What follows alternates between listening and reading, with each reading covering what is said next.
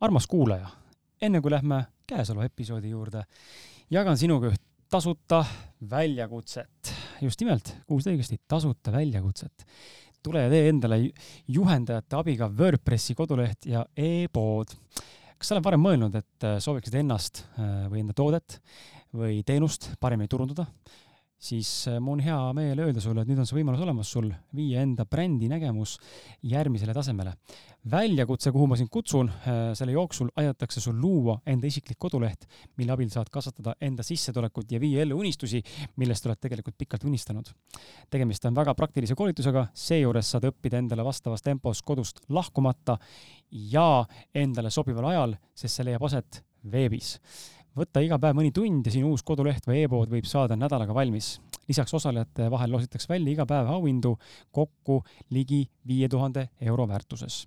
ja pean tunnistama, et ka minu elukaaslane Eliise võttis sellest ise osa ja tuleb omakorda tunnistada, et ma olen positiivselt üllatunud sellest tulemusest, mille ta väljakutse raames tänu koolitusmaterjalidele saavutas. olles ise isiklikult ka WordPressiga kokku puutunud eh, varsti juba kaks aastat, siis mina eh, pean ma tunnistama, et eh, tema seal väljakutsel osalemine tundus mulle üks suur hea korralik nali, sest minu jaoks on olnud WordPress äärmiselt keeruline äh, asi, mida kasutada. aga näed, võta näpust, ta sai sellega hakkama ning lõi endale töötava kodulehekülje, kus ta enda tooteid, äh, seinakaunistusi ja katsikukingitusi nüüd agaralt müüma asub kohe-kohe-kohe ja mis peamine, olles täis WordPressi võhik või üldse igasuguse kodulehtede loomise võhik, sai ta sellega väga hästi, edukalt ja tõesti ajalises raamistikus väga kiiresti hakkama. ja ma olen päris üllatunud positiivselt ähm, ja, ja samuti väga hästi meelestatud, et milline võimalus on loodud tasuta enda uue kodulehe loomiseks ja brändi käima lükkamiseks, nii et mine pane ennast kirja, sest sinu brändi stardipauk on vaid ühe kliki kaugusel. rohkem infot väljakutse kohta leiad www.prouaekspert.ee kaldkriips valjakutse kaldkriips ja aitäh sulle, et oled minuga ja mõnusat kuulamist, tuleb hea saade, tšau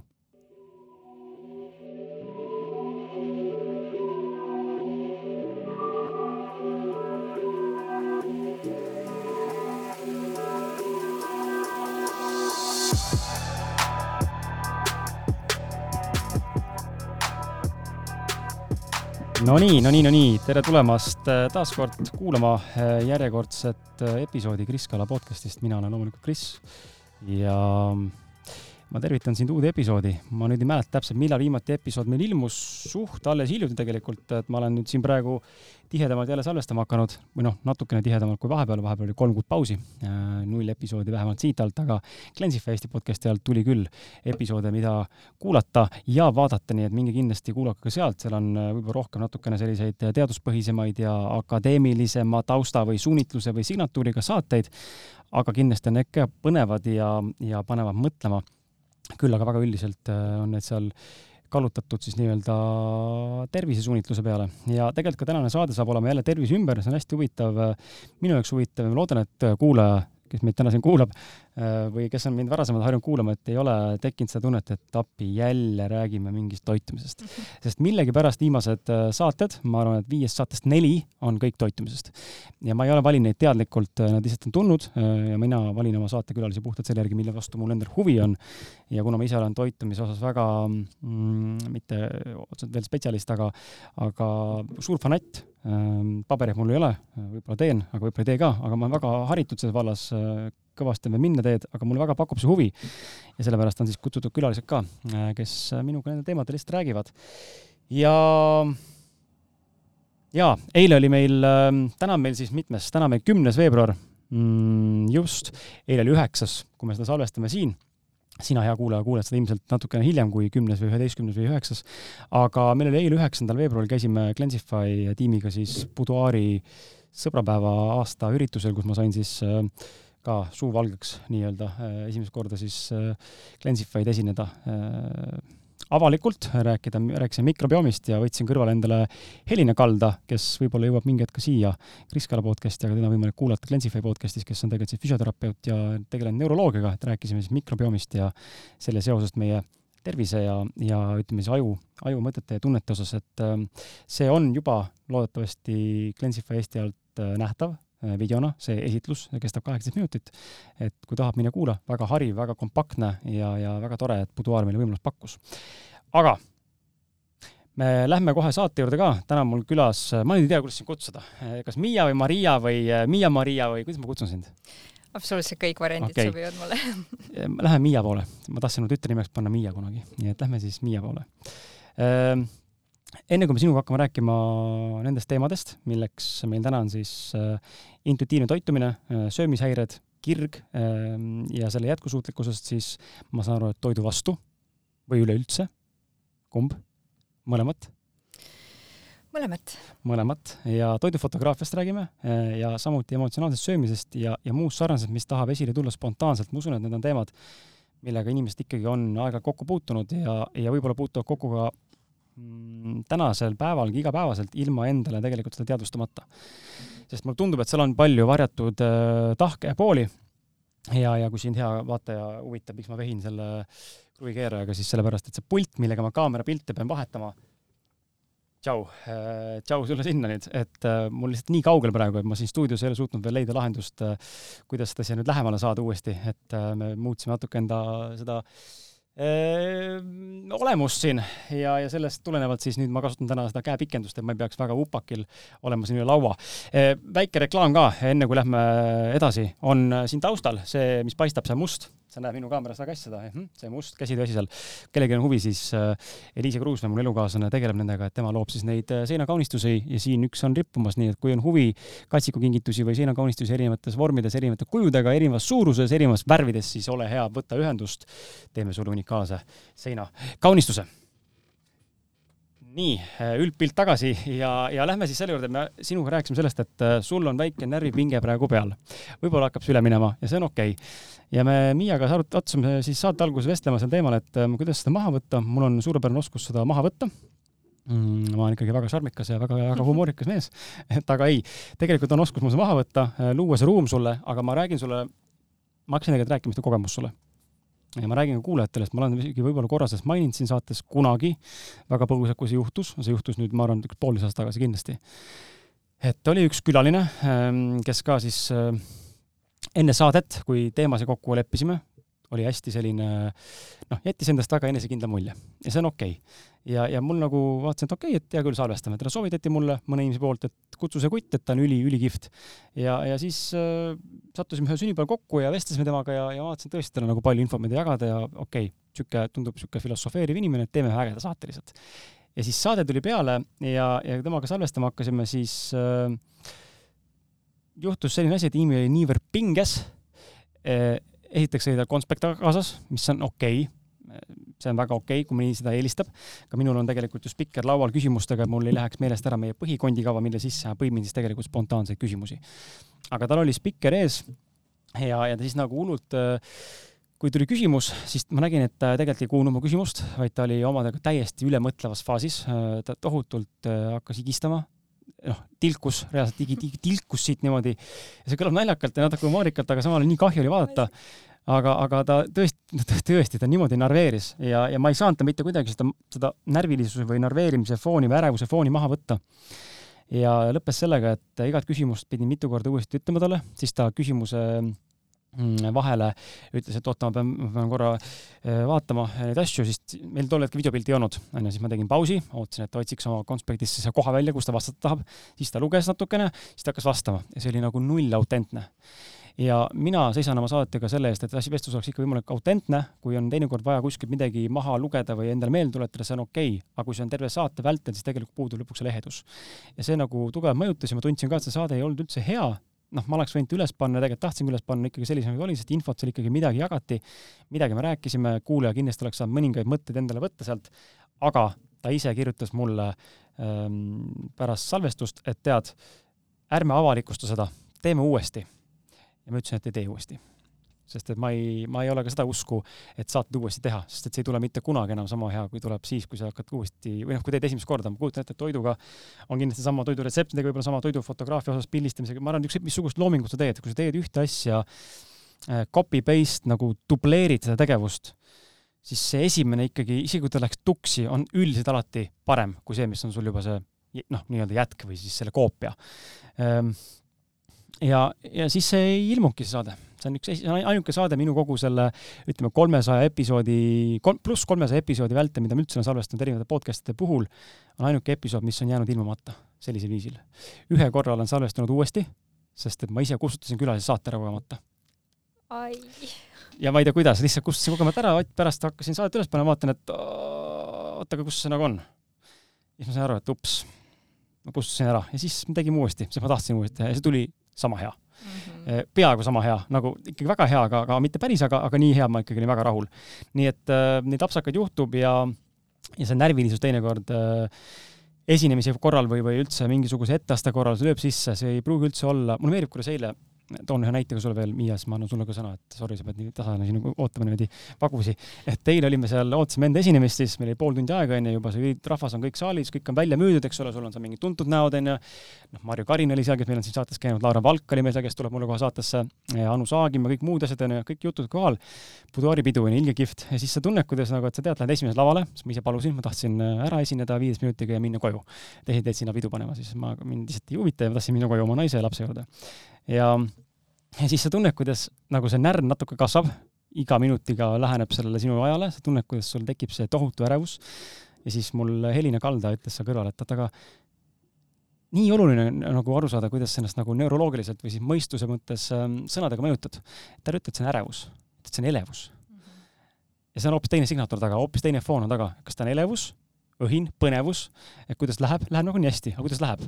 Noh, kuidas ma nagu perform in, nagunii läheb hästi, aga kuidas kukub välja, kukub kõik. või on see, mul on ärevus ja mul tekib paanika, mul tekib hirm, mul tekib äh, tardumine, tekib kramp, tekib äh, mis iganes veel. ja, ja siis äh, õnneks mul on see, ma ei tea, kas see on fenomen või on see õpitud või see on kaasasündinud, aga nii kui ma suu lahti teen, siis läheb see üle. sinnamaani on süda paha vahepeal. ja siis, kui suu lahti teed, siis huh, on nagu läinud see asi, et ähm, ja see nagu aitas eile väga palju seda perspektiivi muuta, nii et ma tahaks ka sulle öelda alustuseks kohe siin niimoodi avalikult kõigi nähes, et äh, võta see foon maha, et äh, no pressure. Äh, sitta need numbrid, palju neid kuulatakse, palju ei kuulata, pole vahet. Be yourself ja, ja usalda seda, mis tulema peab mm. -hmm. just. ja aitäh sulle selle innustuse eest. see elevus muuda ärevus elevuseks on miski, mida ma ise ka püüan rakendada Äh, täiesti teadlikult mõtlen sellele, mõtlesin ka täna hommikul. aga mõnikord on asjadega nii, et äh, see fake it till you make it on ikkagi ainult sõnade tasandil mm. -hmm et see ei jõua päris sinuni, et sa võid seda endale öelda, sa võid seda muudkui korrutada ja korrutada ja mõelda, et ühel hetkel sa hakkad seda ka uskuma, aga ikkagi, kui see ei ole nagu sutsu lähemale? jah, et kui see ei ole täiesti äh, ühenduses sinu kõige tõelisemate mõtetega mm, -hmm. siis mina tunnen, et see jääb kaugeks. Ja mind kohati toetab rohkem see, kui ma ütlengi endale täiesti ausalt, et äh, tead mis, Miia, äh, sa kardadki, sa kardad selle ja selle pärast, äh, sul on olnud selline, selline kogemus, aga see tegelikult ei, ei nagu rakendu tulevikku, sa ei tea seda et äh, hetkel nagu sul ei ole põhjust, sellepärast et sa ei tea, kuidas läheb, et kõik, millest su hirmud kõnelevad, on äh, mineviku kogemus. ja, ja kui ma jään hästi ausaks äh, ka siis, kui ma ütlengi endale, et okei okay,, aga päris aus on see, et see ei ole tegelikult elevus, see on hirm siis mina ise tunnen, et mul on sellest rohkem tuge. sest et see on niisugune noh, kõige tõelisem peegel ja see rakendub tegelikult igale poole, et ka toitumise teemadesse, et kui mõni inimene ütleb, et tal on nii raske, ma ei tea, kaalu langetada või harjumusi muuta või, või mis iganes, et siis mm, ma kuidagi tunnen, et, et väga toetav ei ole siis nagu rääkida sellest, et aga, aga muuda see nagu sõnastuses ringi, et mm -hmm. et jah, mõnikord on ka sellised tehnikad, sest mõnele need väga sobivad. aga mõnikord toimib ka see, et tead, sul on õigus, see ongi raske, aga see on vajalik. -hmm. et äh, lihtsalt selline hästi aus mhm. peegel alati. sul on, äh, enne kui lähme teemade juurde, sul on täna esimene üldse niisugune äh, ütleme siis, ma ei tea, avalik esinemine, vale öelda, aga esimene podcastis ülesastumine, üldse mikrofoni rääkimine. täpselt nii. kuidas nii, miks, miks see esimene on ja, ja miks otsustasid mulle jah öelda, lihtsalt huvi pärast? Tegelikult see mikrofoni rääkimine ei ole esimene, sest et ma käisin ka Elis äh, Nikolai poolt mm. korraldatud tervisepäeval mm -hmm. rääkimas. ma ise tundsin, et läks täiega pekki aga siis teine, siis ütleme niimoodi mm. -hmm kõrvaklapid on kindlasti esimene kogemus ja videopilt ka? jaa, videopilt ka. ei, tegelikult videopilt oli seal tervisepäeval okay, ka, aga mm -hmm. miks ma ütlesin äh, jah mm,? ma ütlesin jah kiiremini, kui ma üldse oleksin jõudnud hakata üle mõtlema, sest et ma tean, et minu puhul mõnikord äh, nii toimib. et äh, ma olengi natuke liiga suur ülemõtleja ja vahel ma tunnen seda, et et kui ma tahan mingit väljakutset vastu võtta sest et ma olen kasvujanus ja, ja kogemuste janus, siis mul ongi mõistlikum öelda kiiresti jah ära, enne kui see ülemütlemine nagu kohale jõuab, sest et siis ma hakkan iseendaga nagu manipuleerima tegelikult ja siis tulebki mingi mineviku kogemused, mingid hirmud, noh, täiesti sellised ebaratsionaalsed äh, teemad, mis lihtsalt tõmbavad tegelikult minult nagu selle kogemise võimaluse ära. et see on niisugune hästi suur äh, töö iseendaga ja ma olen täiesti protsessis sellega aga, aga jah, mõnikord lihtsalt on nagu parem öelda õhinapõhiselt. ja siis, kui sa tegid selle ettepaneku, siis mulle tunduski, et oo, mul ei ole seda kogemust, ma tahaksin seda kogemust. nii et ma ütlen jah ära ja siis kaks päeva hiljem ma mõtlesin, et oh god ma mõtlesin, sulle meeldib audiovisuaalne sisu. ja vastus oli appi. ja, ja kusjuures see oligi vist kõik, mis ma sulle kirjutasin, et äh, meilis oli lihtsalt suurte tähtedega appi, appi väga lahe, väga tore, et sa selle vastu võtsid, ma arvan, et äh, saad sina, mina ja, ja kuulajad siit väga hea positiivse kogemuse äh,. aga lähme teemade juurde ähm,. võtaks selle sinu nagu mingisuguses mõttes teekonna kokku. hakka pihta sealt, kus ise nagu tunned, kust on sinu jaoks äh, relevantne, relevantne pihta hakata ja, ja ja räägi just, et kuidas sa jõudsid toiduteemadeni ja kuidas sai sinust siis äh, tegelikult äh, nõustaja? Ähm, mis see sinu jaoks üldse tähendab? ja, ja üldse natuke rohkem sellest ka, et ähm, mis sind ajendas selles suunas vaatama, oli sul isiklikud mingid äh, terviseprobleemid, olid sul keegi, või sul ei olnud neid hoopis lihtsalt puhas motivatsioon, tahe saada paremaks, elada kauem? räägi natuke sellest taustast meile ka ja siis hakkame minema siit kuskilt edasi nende teemadega mm. -hmm esimene küsimus ja juba nii raske. Tegelikult äh, jah, et kust nüüd alustada, eks, et ähm, kui ma, kui ma vaatan ajale tagasi, siis noh, esiteks ma pole kunagi näinud ennast äh, kuidagi toiduvaldkonnas tegutsemas, see ei ole olnud miski, mida ma oleksin üldse kunagi mõelnud, et võiks või, või tahaks või et see mind üldse puudutabki. Äh, ja samas, kui ma analüüsin, siis olen ma alati olnud selle teemaga ühte või teistpidi kuidagi seotud. ja noh, muidugi neid seoseid ma võin tuua juba täiesti lapsepõlvest, et ma olen Ruhnus üles kasvanud, mis tähendas ka seda, et toidu me kasvatasime ise, ehk siis äh, see ühendumine tuli läbi selle, et oli kontakt toiduga kui sel ajal tähendas see minu jaoks lihtsalt kohustuslikku rohimist ja ma ei tea, kartulivõttu, on ju, aga siiski, et see kontakt toiduga ähm,. ma olin kolmeteistaastane, kui ma hakkasin tegelikult üksinda elama, mis tähendas, et ma hakkasin ka kokkama ise. aga kuna sellel ajal mul oli häirunud söömine, siis pigem see jällegi see kontakt toiduga võib-olla ei olnud nii äh, noh, ma ei tea, positiivne, kui ma annan hinnanguid Äh, aga see siis väljendus läbi selle, et ma õppisin pakendeid lugema, kaloreid arvutama, rasvu jälgima, on ju, kõike niisugust, aga siiski jällegi kontakt kuidagipidi.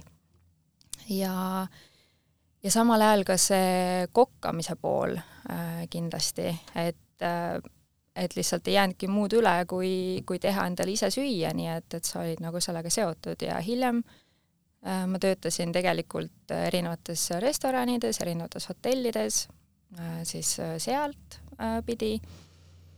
ja võib-olla jah, kõige mõjuvõimsam ühendumine oli ikkagi siis, kui, kui ma olen läbi teinud paar niisugust keerulisemat haigust, mille puhul võib-olla arstid on öelnud, et ainult ravimite tee on, on see õige tee, aga minus on selline ma ei tea, mingisugune veendumus, et inimene on ikkagi loodud olema terve äh, ja, ja vahel abi vastu võtta äh, ravimite poolt on ka täiesti okei okay,, et ma ei ole kuidagimoodi nagu äärmuslik, aga ma usun sellesse, et tegelikult meil on väga palju iseendas olemas, et ennast tervendada, kui meil on teadmised ja, ja ka see usk.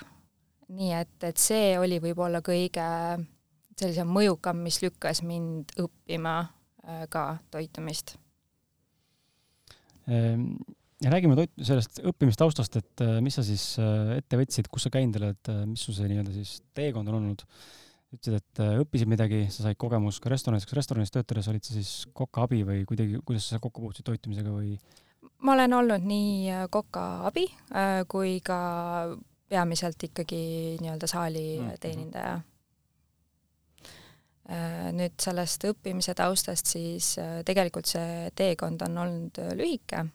ma õppisin Rahvatervise Akadeemias toitumisnõustajaks ja terapeudiõpet ma hetkel isegi ei jätkanud, mm. et ma, mm, ma ikkagi tunnen, et mul kunagi oli kuidagi missioon või soov äh, tegeleda lastega, kellel on söömishäire. ja see tegelikult ei ole siis üldse nagu toitumisalane õppimine, see on ikkagi psühholoogiline mm., aga sellel hetkel mul ei olnud võimalik minna psühholoogiat äh, õppima ja ma mõtlesin, et okei okay,, aga ma alustan hoopis toitumise poolt, et see peab ju ka ikkagi käima nagu käsikäes, et, äh, et see ei anna mulle küll mingisugust pädevust tegeleda siis söömishäiretega, aga lihtsalt täiendada nagu seda poolt ka aga siis äh, selle õppimise käigus tegelikult äh, noh, mu elu muutus väga palju, äh, viimase kolme aastaga on mu elu väga palju muutunud, siis muutus ka see missioonitunne, ehk siis praegu ma olengi kaldunud rohkem sinna fotograafia poole üldsegi. Ja, ja need teemad on nagu muutunud, et aga jah, otseselt niisugune õppimise taust on mul lühike, kaks aastat, issand, aasta, äkki oli isegi see õpe, see õpe oli aasta. Ja mul tundub, mul on nagu kõik need numbrid on täiesti sassis. et äh, aga pigem äh, pigem ongi see, et see toitumine üleüldse on ju elukestev õpe, see info muutub kogu aeg, meil on pidevalt enda kogemus. Ja miks see on oluline, ongi see, et igaüks meist puutub toiduga kokku, see on, me kõik sööme, me kõik toitume, see on igaühe jaoks tegelikult oluline teema, sest see on osa vundamendist nagu uni või meie mõtted või üldse eluviis või liikumine, eks, et äh, me ei saa sellest üle ega ümber, nii et äh, et toitumine on küll minu meelest teema, mis võiks koolides juba hakata varakult äh, õpetama ja täiesti selline kohustuslik, kohustuslik aine olla. see, see, seesama, ma just mõtleks selle peale, et toitumine on üsna individuaalne ja noh, kogemus, kogemus põhine mõneti, loomulikult seal on äh, teatud äh, parameetrid, või noh, see on, kuidas mina vähemalt asja näen ja sa saad kohe rääkida, kas sa oled nõus või vaidled vastu, eks ole, nii-öelda. Mm, aga mina nagu äh, olen nagu nõus, ütleme nüüd, et kuskil neli aastat tagasi olin ma täiesti total bias taimetoitlane, vegan. ma olen ise ähm, bias ehk siis kallutatud. arvasin, et see on ainuke viis, kuidas inimene saab olla terve. Ma tänaseni usun seda, et see on üks vähestest viisidest, mis ei vii erinevate haiguste tekkeni, kui teha seda teadlikult äh, ja osata päriselt süüa ja, ja toituda asjadest, mida sul tegelikult kehal vaja on, sest enamus taimetoitlased, sorry, kui ma midagi solvan, ma nimesi ei hakka mainima, aga nii mõnedki, kes on sellest loobunud pika aja peale äh, või kes seda praktiseerivad ja, ja arvavad, et nad on tervislikud, siis mul on nagu, ma võin üsna, võin oma pea anda et need inimesed tegelikult ei tea lõpuni, mida tähendab mitmekülgne äh, täistoit, et äh, ja see, eile ma seal loengul või esinemisel, see oli niisugune viieteistminutine ettekanne, nii-öelda nagu niisugune kerge buduaari teetalk, et äh, monoloog, seal ma tõin sama näite, et mikrobioom, äh, meie soolestik on niivõrd unikaalne, nagu on ka inimese sõrmejälg, mis tähendab seda, et kui me, meil ei ole mitte kellegi teisega ühtegi, ühegi inimesega identset mikrobiomi ja, ja see on juba ainuke näide sellest, et äh, meie toitumine saab olla unikaalne, aga seal on mingid parameetrid, mis peavad paika, eks ole, et söö rohkem kiudaineid ja, ja söö mitmekesiseid vikerkaari ja nii edasi. aga see on hästi huvitav just see, et see on ajaga mul muutunud ja ma olen ka hakanud aru saama, et, et seda tuleb vaadata natuke laiemast perspektiivist aga ma ei ole ka päris nõus äh, nüüd sellega ja selleni me jõuame ka, sest ma saan aru, sa ei ole ühekülgne ka, aga ma tahan jõuda lõpuks selleni, me sinuga täna jõuame intuitiivse toitumiseni. et siin kindlasti on kohti, kus äh, väga paljud inimesed, äh, noh, ma tean täpselt, mis juba nurkadelt hakatakse vastu vaidlema, et nendest me räägime ka, aga et ka seal on mingid omad nii-öelda plussid ja võib-olla miinused, kui sa ei ole nagu piisavalt teadlik või sa võtad asja, ma ei teagi, ei saa öelda õige või vale, aga ütleme, kui sa vaatad asja võib-olla nurga alt, mis ta tegelikult olema ei peaks või mille alt tegelikult vaatama ei peaks võib-olla. et aga, aga see sinu äh, teekond, äh, sa ütlesid, et sa oled ise läbi kogenud äh, ka, noh, et sa hakkasid kolmeteistaastaselt üksinda kokkama, eks ole, sul oli selline olukord. Ähm,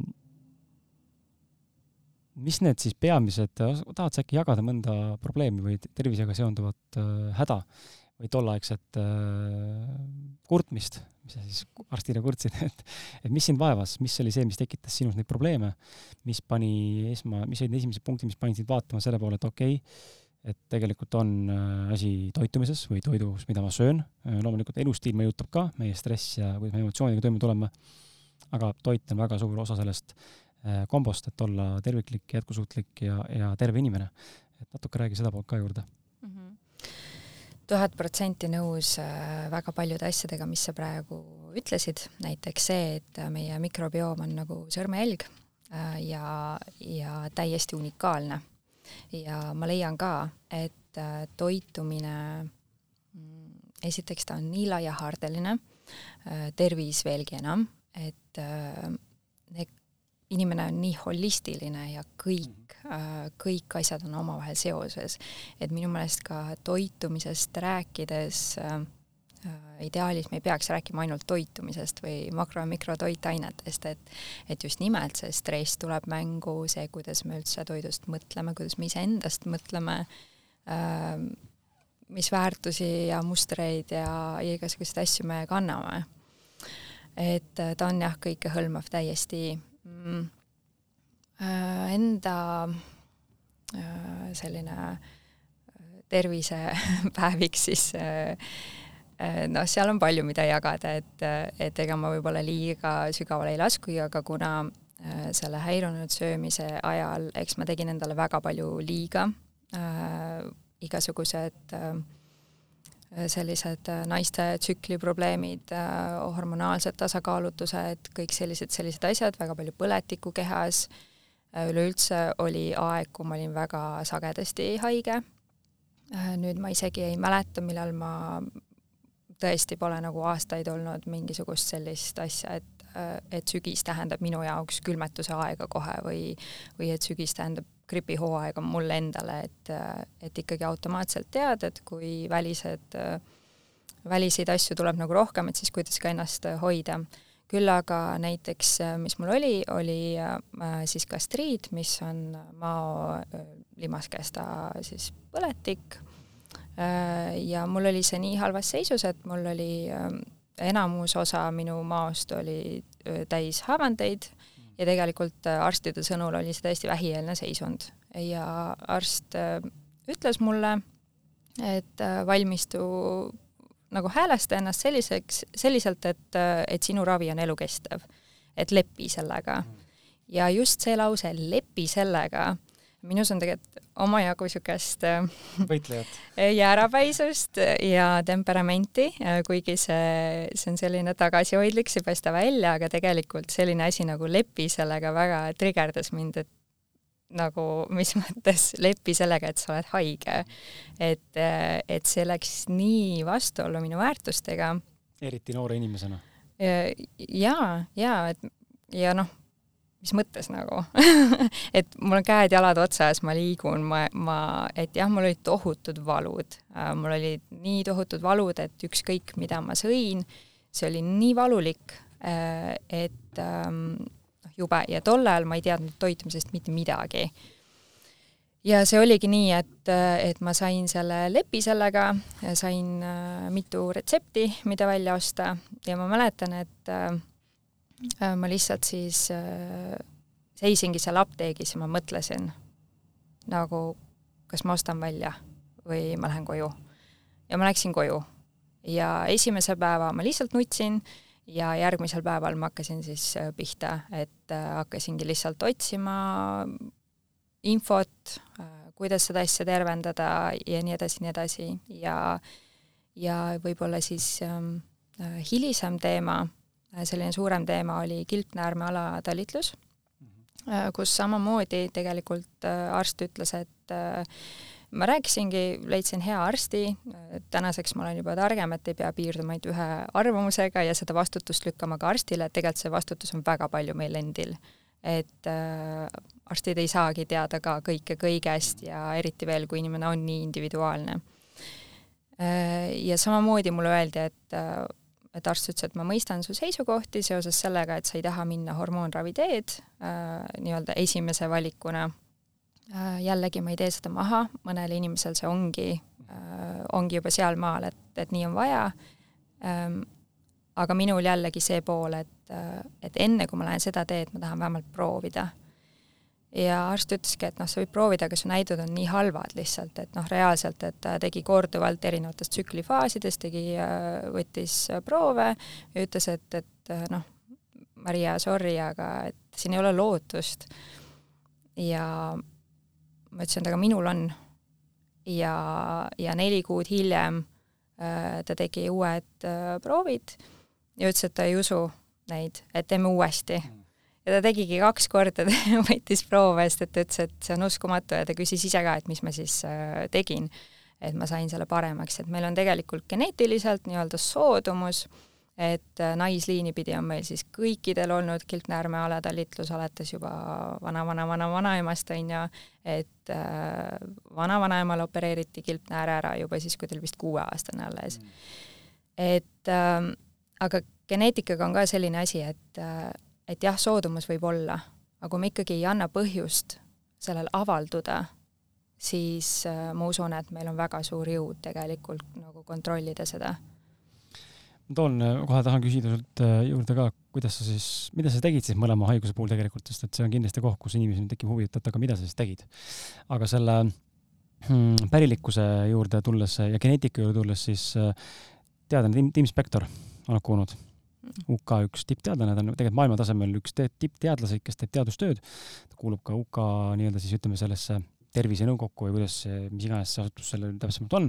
aga ta on kirjutanud niisuguse raamatu, ähm, tegelikult on palju raamatuid, aga ta on kirjutanud sellise raamatu, mis on siis nimega Identically Different, mis on siis identselt erinevad. ja see räägib kaksikutest, kus ta tegi siis äh, kakskümmend aastat peaaegu erinevaid kaksikuid üle maailma, uuris, tegi nendega nii-öelda siis mitte katseid, aga ma ei tea, kuidas see õige termin on siis, jälgis neid äh, ja tegi nendega tööd.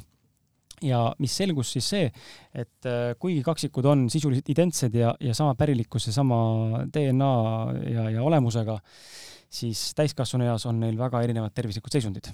ja kus see tuleb, mis see nagu mõjutab seda, siis äh, oma teadustöö jooksul sai siis teada, et see on mikrobiom et üks on paks, ülekaaluline, teine on siis peenike ja võib-olla normaalkaalus, üks on haige, üks on terve ja selle peamiseks mõjutajaks on meie soorestikubakterid ja eluviis, kuidas me elame.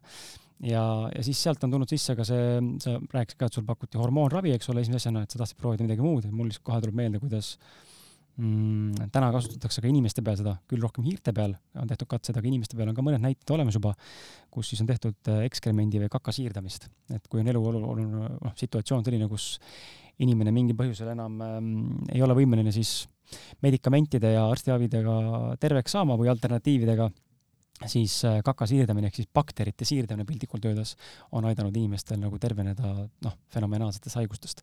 et see on küll väga-väga veel värske teema, aga see on huvitav ja pöörab minu tähelepanu jälle alati sellele, et kui palju me tegelikult saame ise teha oma elu jooksul, et muuta seda ja just see sinu lause ka, et okei okay,, sul äh, suguvõsati ja, ja liinipidi igal, igal generatsioonil või põlvkonnal oli see olemas, aga näed, sina saad seda vastava, vaatamata sellele ikkagi muuta läbi nende valikute, toidu ja mis iganes muude valikute, mis sa oma elus teed, onju, et see on nagu koht, kus mina noh, täna kuulajana, vaatajana äh, hakkaksin nagu tõsiselt mõtlema, et äh, ja loomulikult ma olen ka sinuga nõus, et äh, ma ei tee nagu maha meditsiini, ma ei ole küll meditsiini pooldaja, ma ise olen ka üli, üli-üliharva haige. viimati ma olin võib-olla haige, kui Covid mind äh, maha tõmbas, see oli ka poolteist aastat, kaks aastat hiljem, kui see asi oli ära käinud juba, siis ma kuskilt sain lõpuks kätte selle. Ja siis ma tõesti olin üle pika aja ikka täitsa out'is, paar päeva ikka väga kõrges palavikus ja ma tundsin väga kehvasti. ja mul oli pikk veel mingisugune köha, see nii-öelda siis hääbuv köha nii-öelda. aga muidu ma olen üliterve ja, ja ma olen nagu sada protsenti veendunud selles, et kui me tõmbame joone inimes-, nende inimeste puhul, kes on kogu aeg ala lõpmata haiged mingitest viirustest, külmetushaigustest, mis on kevadel, sügisel mingisugused viirused liiguvad talvel samamoodi. ja nüüd tõmbame joone nende toitumisele või selle toidulauale, sada protsenti kindel, et me näeme sealt, et see on tegelikult probleem. või see on siis peamine, üks peamistest põhjustajatest või põhjustest, mis tekitab tegelikult selle, et immuunsüsteem on nõrgem. aga ma tahaksin, et sa räägiksid natuke rohkem sellest, mida siis tegid, äh, kui sa võtsid ette selle nii selle kilpnärme kui ka siis teise probleemi, et mis sa, mis sa päriselt siis nagu tegelikult muutsid, mis sa hakkasid siis rohkem, ma ei tea, taimi sööma või puuvõrseid või kuhu, mis, mis sa nagu tegid? et räägi inimestele ka ja kuidas see nagu lahendus tuli või, või anna mingeid, anna mingeid äh, soovitusi, kui sa ei taha nagu päriselt öelda samm-sammult, mis sa tegid, aga anna mingeid soovitusi, kui keegi tundis praegu ära, et aga näed, ma tean, mul on ka sama probleem olnud või on täna see nii aktiivne või aktuaalne, siis ma saan siit mingeid mõtteid, millest edasi minna. ja kindlasti ma tahan, et sa räägiksid ka sellele otsa veel omakorda, küsimus läheb pikaks, aga otsa omale see pool ka, et sa ütlesid, sa hakkasid ise uurima. vaata, see on ka teine koht, kus nüüd on see, millist allikat usaldada nii et jaga natuke nõuandeid ka, et kuidas sa need, mis sa tegid, et need äh, korda said ja, ja kuidas siis päriselt äh, iseseisvalt hakata õppima niimoodi, et sa saad aru, et see allikas tegelikult on ka relevantne, sest informatsioon on ülekülluses täna mm. -hmm, täiesti nõus.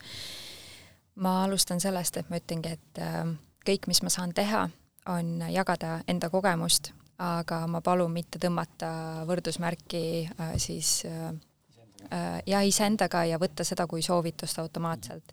sest et ikkagi inimene on täiesti unikaalne ja mis on ühe jaoks tervislik, ei pruugi seda üldse olla teise jaoks. mis toimib ühe jaoks, ei pruugi toimida teise jaoks. täpselt, täpselt veel enam, et ma lihtsalt jagan äh, seda, äh, mis toimis mulle ja, ja seda ka tegelikult ainult pisteliselt, sest et ma ütlen ausalt, et ka striidi puhul oli niimoodi, et, et see oli ikkagi täielik elu, eluviisi muudatus.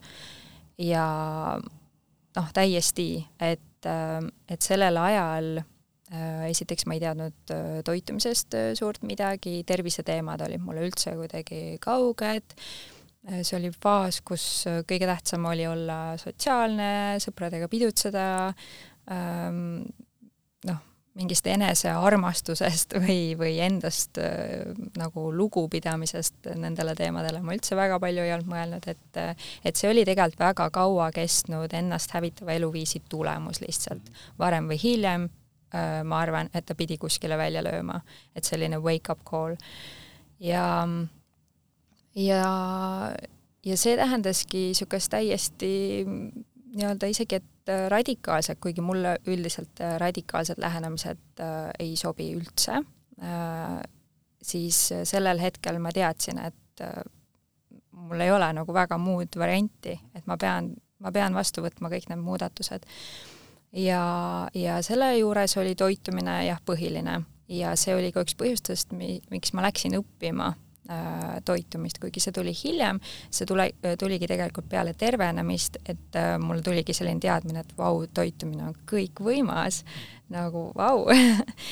Et ähm, et, äh, et jaa, ma võtsin, võtsin väga palju muutusi ja uuendusi sisse oma toitumisse, küll aga kilpnäärmeteemade puhul ma keskendusin rohkem sellele, et miks ta üldse tuli. Äh, miks see tekkis, sellepärast et enda meelest selleks ajaks olin ma ikkagi elanud üsna tervislikult, kuigi noh, tervislik või mitte tervislik, et kust see piir läheb, on ju, et äh, kus see tasakaal siis on.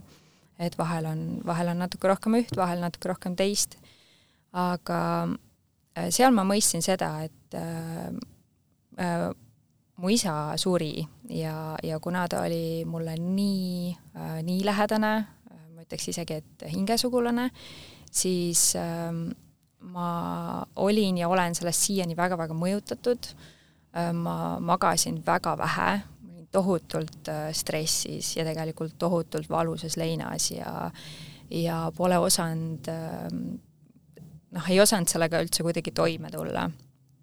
ja kui ma, kui ma sain siis selle kilpnäärme nagu analüüsid, siis ma kuidagi teadsin, et et see on selle stressi tulem et, et siin oleks liiga pinnapealne minna ainult toitumise teed pidi või või ainult, et ma teadsin, et stress on see, millega ma pean nagu kõige rohkem ikkagi hakkama tegelema, et et muidugi ma teadsin seda enne ka, aga see on teema, millega ma väga hästi ei oska tegeleda, sest ma arvan, et mitte keegi ei ärka üles, et hmm, mis täna teha võiks, võiks täna stressata või võiks täna muretseda, et see on miski, mis ikkagi kuidagi jah, meil on selle üle kontrolli, aga mina ise ei ole veel nii kogenud, et ma tunneks, et ma omaks väga palju kontrolli, kui stress tuleb peale või mure tuleb peale või hirm tuleb peale.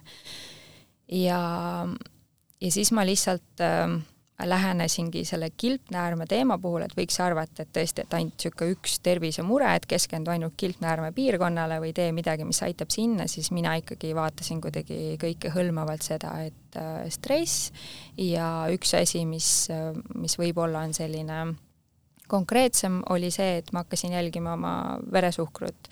Ma panin äh, endale külge glukoosisensori, kuigi mul ei ole mingisuguseid ähm, ma ei ole suhkruhaige ega midagi niisugust, aga ma teadsin, et, et vere, veresuhkru teemad on oluline aspekt, kui me räägime hormoonidest, tasakaalus hormoonidest, ja ma hakkasin jälgima, et mis vastuseid siis mina äh, sealt saan.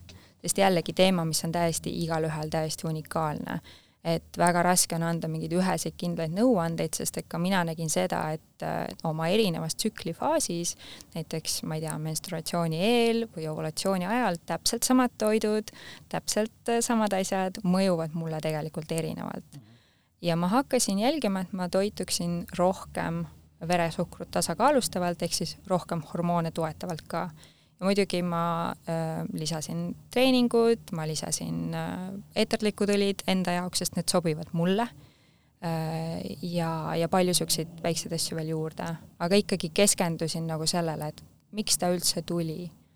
ja võib-olla see nüüd kõlab natuke äh, sellise, ma ei teagi, kuidas ta kõlab, imalana, aga ikkagi see suhtumine äh, enda haigusesse ka, et ähm, täiesti inimlik on minna sellesse äh, punkti, kus sa tunned, et see kõik on nii ebaõiglane ja miks minuga ja ohvrirolli ja minus on seda ka äh,, eriti selle kilpnäärmega, mul oli olnud väga raske aasta, ma tundsin nagu, et mis õigusega nüüd see ka veel, et nagu niigi on raske.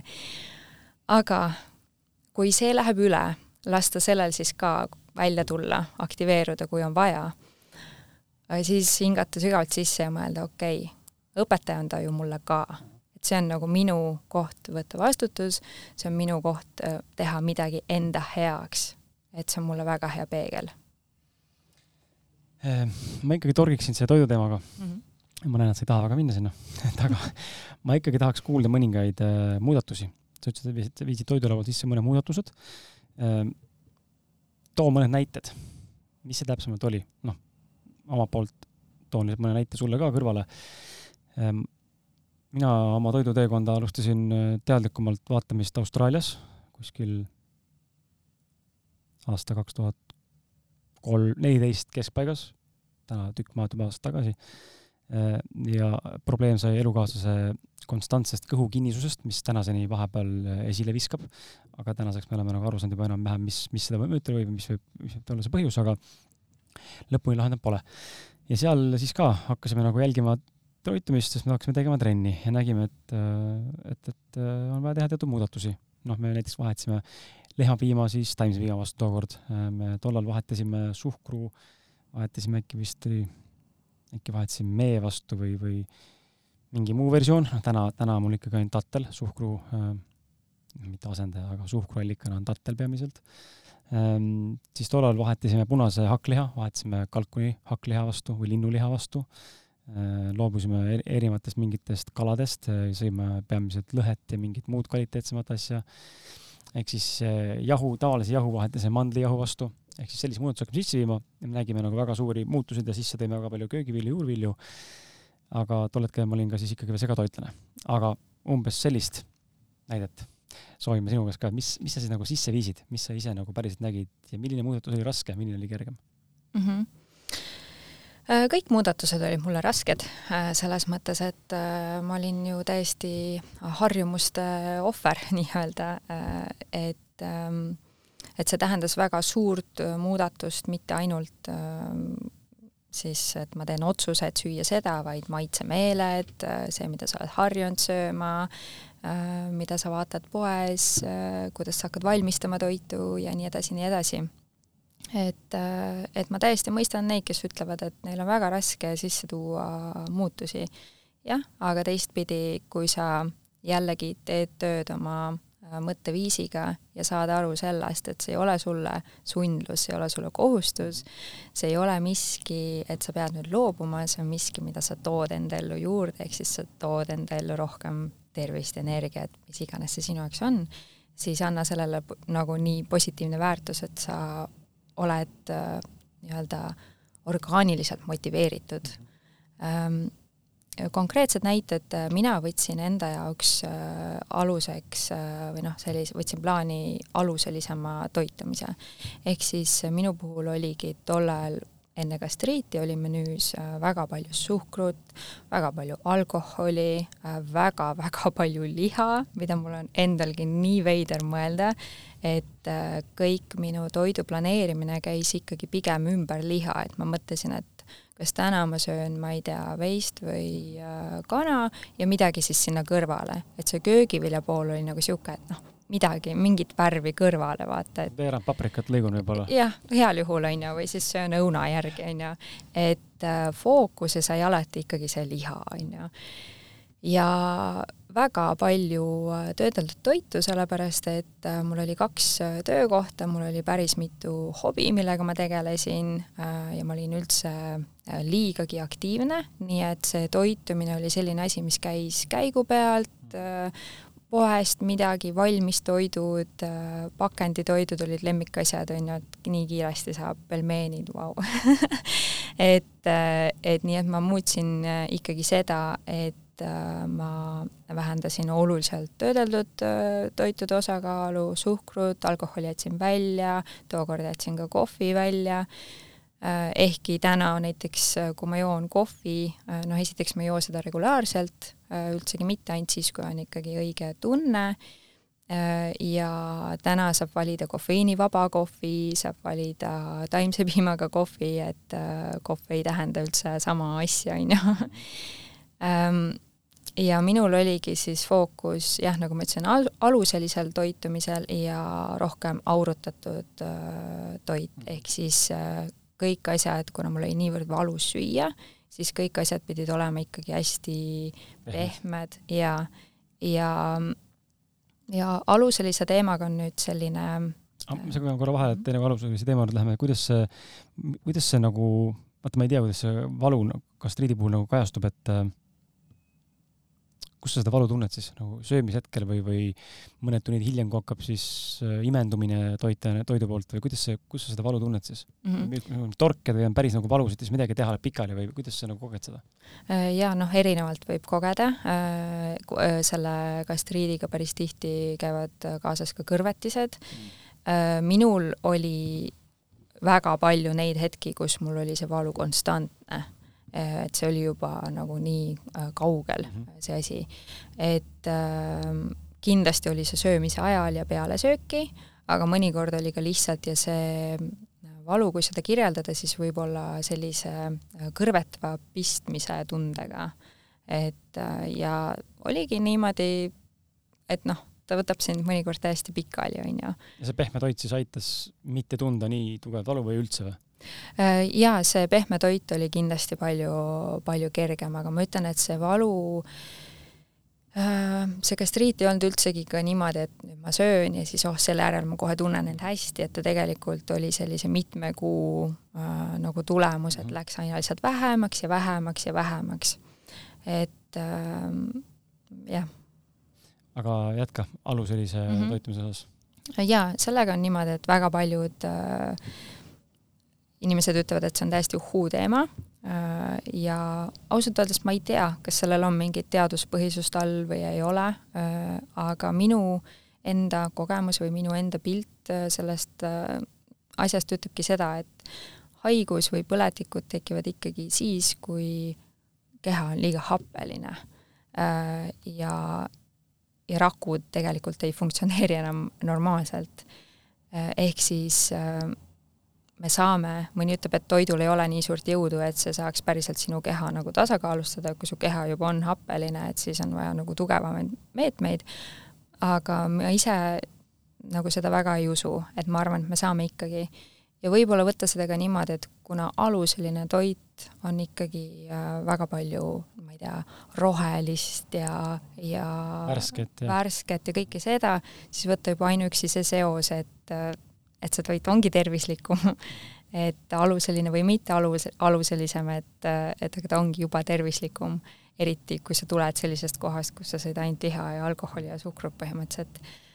et ähm, et jah, et mul oli nagu see, oli fookuses äh, ja ja hapendatud toit on ka minu ellu tulnud täna nagu väga-väga äh, kirglikult ja tugevalt äh,, ma räägin sellest väga palju ja ma usun sellesse väga palju äh,. sel ajal, kui oli gastriit, sel ajal küll veel mitte niimoodi, aga, aga täna ma tõesti ütlen, et hapendatud toidud on ülioluline äh, osa meie menüüst. fermenteeritud siis mõtled? jaa mm, -hmm. just, et, et noh, hapendatud või fermenteeritud või üldse elus toit, nagu ka võrsad näiteks, mhm. et rohkem seda elusat toitu, et mida, mida väiksem säilivusaeg, seda parem, et noh, mitte päris nii mustvalgelt, aga, aga ikkagi, et rohkem seda elusat toitu. selle kaks asja, mis ma tahan lisada juurde siia, on see, et põhjus, ma arvan ise, miks inimestel on äh, ja võib-olla mul endal ka oli mõneti, mul, mul ei ole nagu seda toiduga sellist, nende, nende valikute puhul olnud raske teha neid muudatusi, minu jaoks on kõik väga loogiline olnud, ma alati muidugi uurin ja loen juurde, ma ei ole nagu, ma ei ole kunagi olnud nagu mingisugune liha suur fänn, et mul ei ole olnud seda probleemi, et mul nüüd sügeleb mingi liha järgi, ma ei suuda sellest loobuda. ma saan aru, et väga paljudel inimestel see on, aga see, tuleb aru saada, et see on harjumus. et kui meie mikrobioom on äh, Äh, näita ennast ka vahepeal siis, kui meie mikrobioom on harjunud äh, sööma ja seedima teatud toitu, siis paratamatult, äh, kui me jätame ta mõneks ajaks nälga või defitsiiti, see võib olla tund, kaks tundi, kolm tundi, nädal, päev, mitu nädalat, siis ta hakkab seda veel jõulisemalt nõudma, sest need bakterid on seal piltlikult öeldes suremas. Äh, mingid, nad surevadki ära see ja see on okei okay, ja noh, et halvad bakterid peavadki lõpuks ära surema. aga loomulikult mingi osa neist jääb, sest et tasakaal on nagunii olemas. aga mis ma nagu näinud olen, ongi see, et see, vaata, me oleme harjunud toitu vaatama kui makroid. rasvad, süsivesikud, valgud, ähm, suhkrud, kiudained ja, okei okay,, kiudaineid vaadatakse täna, seda ei vaadatud vanasti üldse kedagi huvitanud ähm, ja me unustame ära mikrotoite, need äh, fütokemikaalid ja, ja antioksüdandid, mis tegelikult on just selles, mis sa mainisid ka, rohelised, kõik need rohelised lehekesed äh, ja värvilised marjakesed ja marjad, asjad, eks ole, me unustame need ära, sest need ei anna meile toidu mõttes sellist mõistusest tulenevalt me, tundub, et me ei saa mitte midagi, sest nad on oma volüümilt või siis mahult, kuidas õigesti öelda, mahult, kalorite mahult ja mahult ka väga äh, väikse kalorisisaldusega ja, ja me tundub, et me sööme justkui nagu tühja, sest see on mõttetu.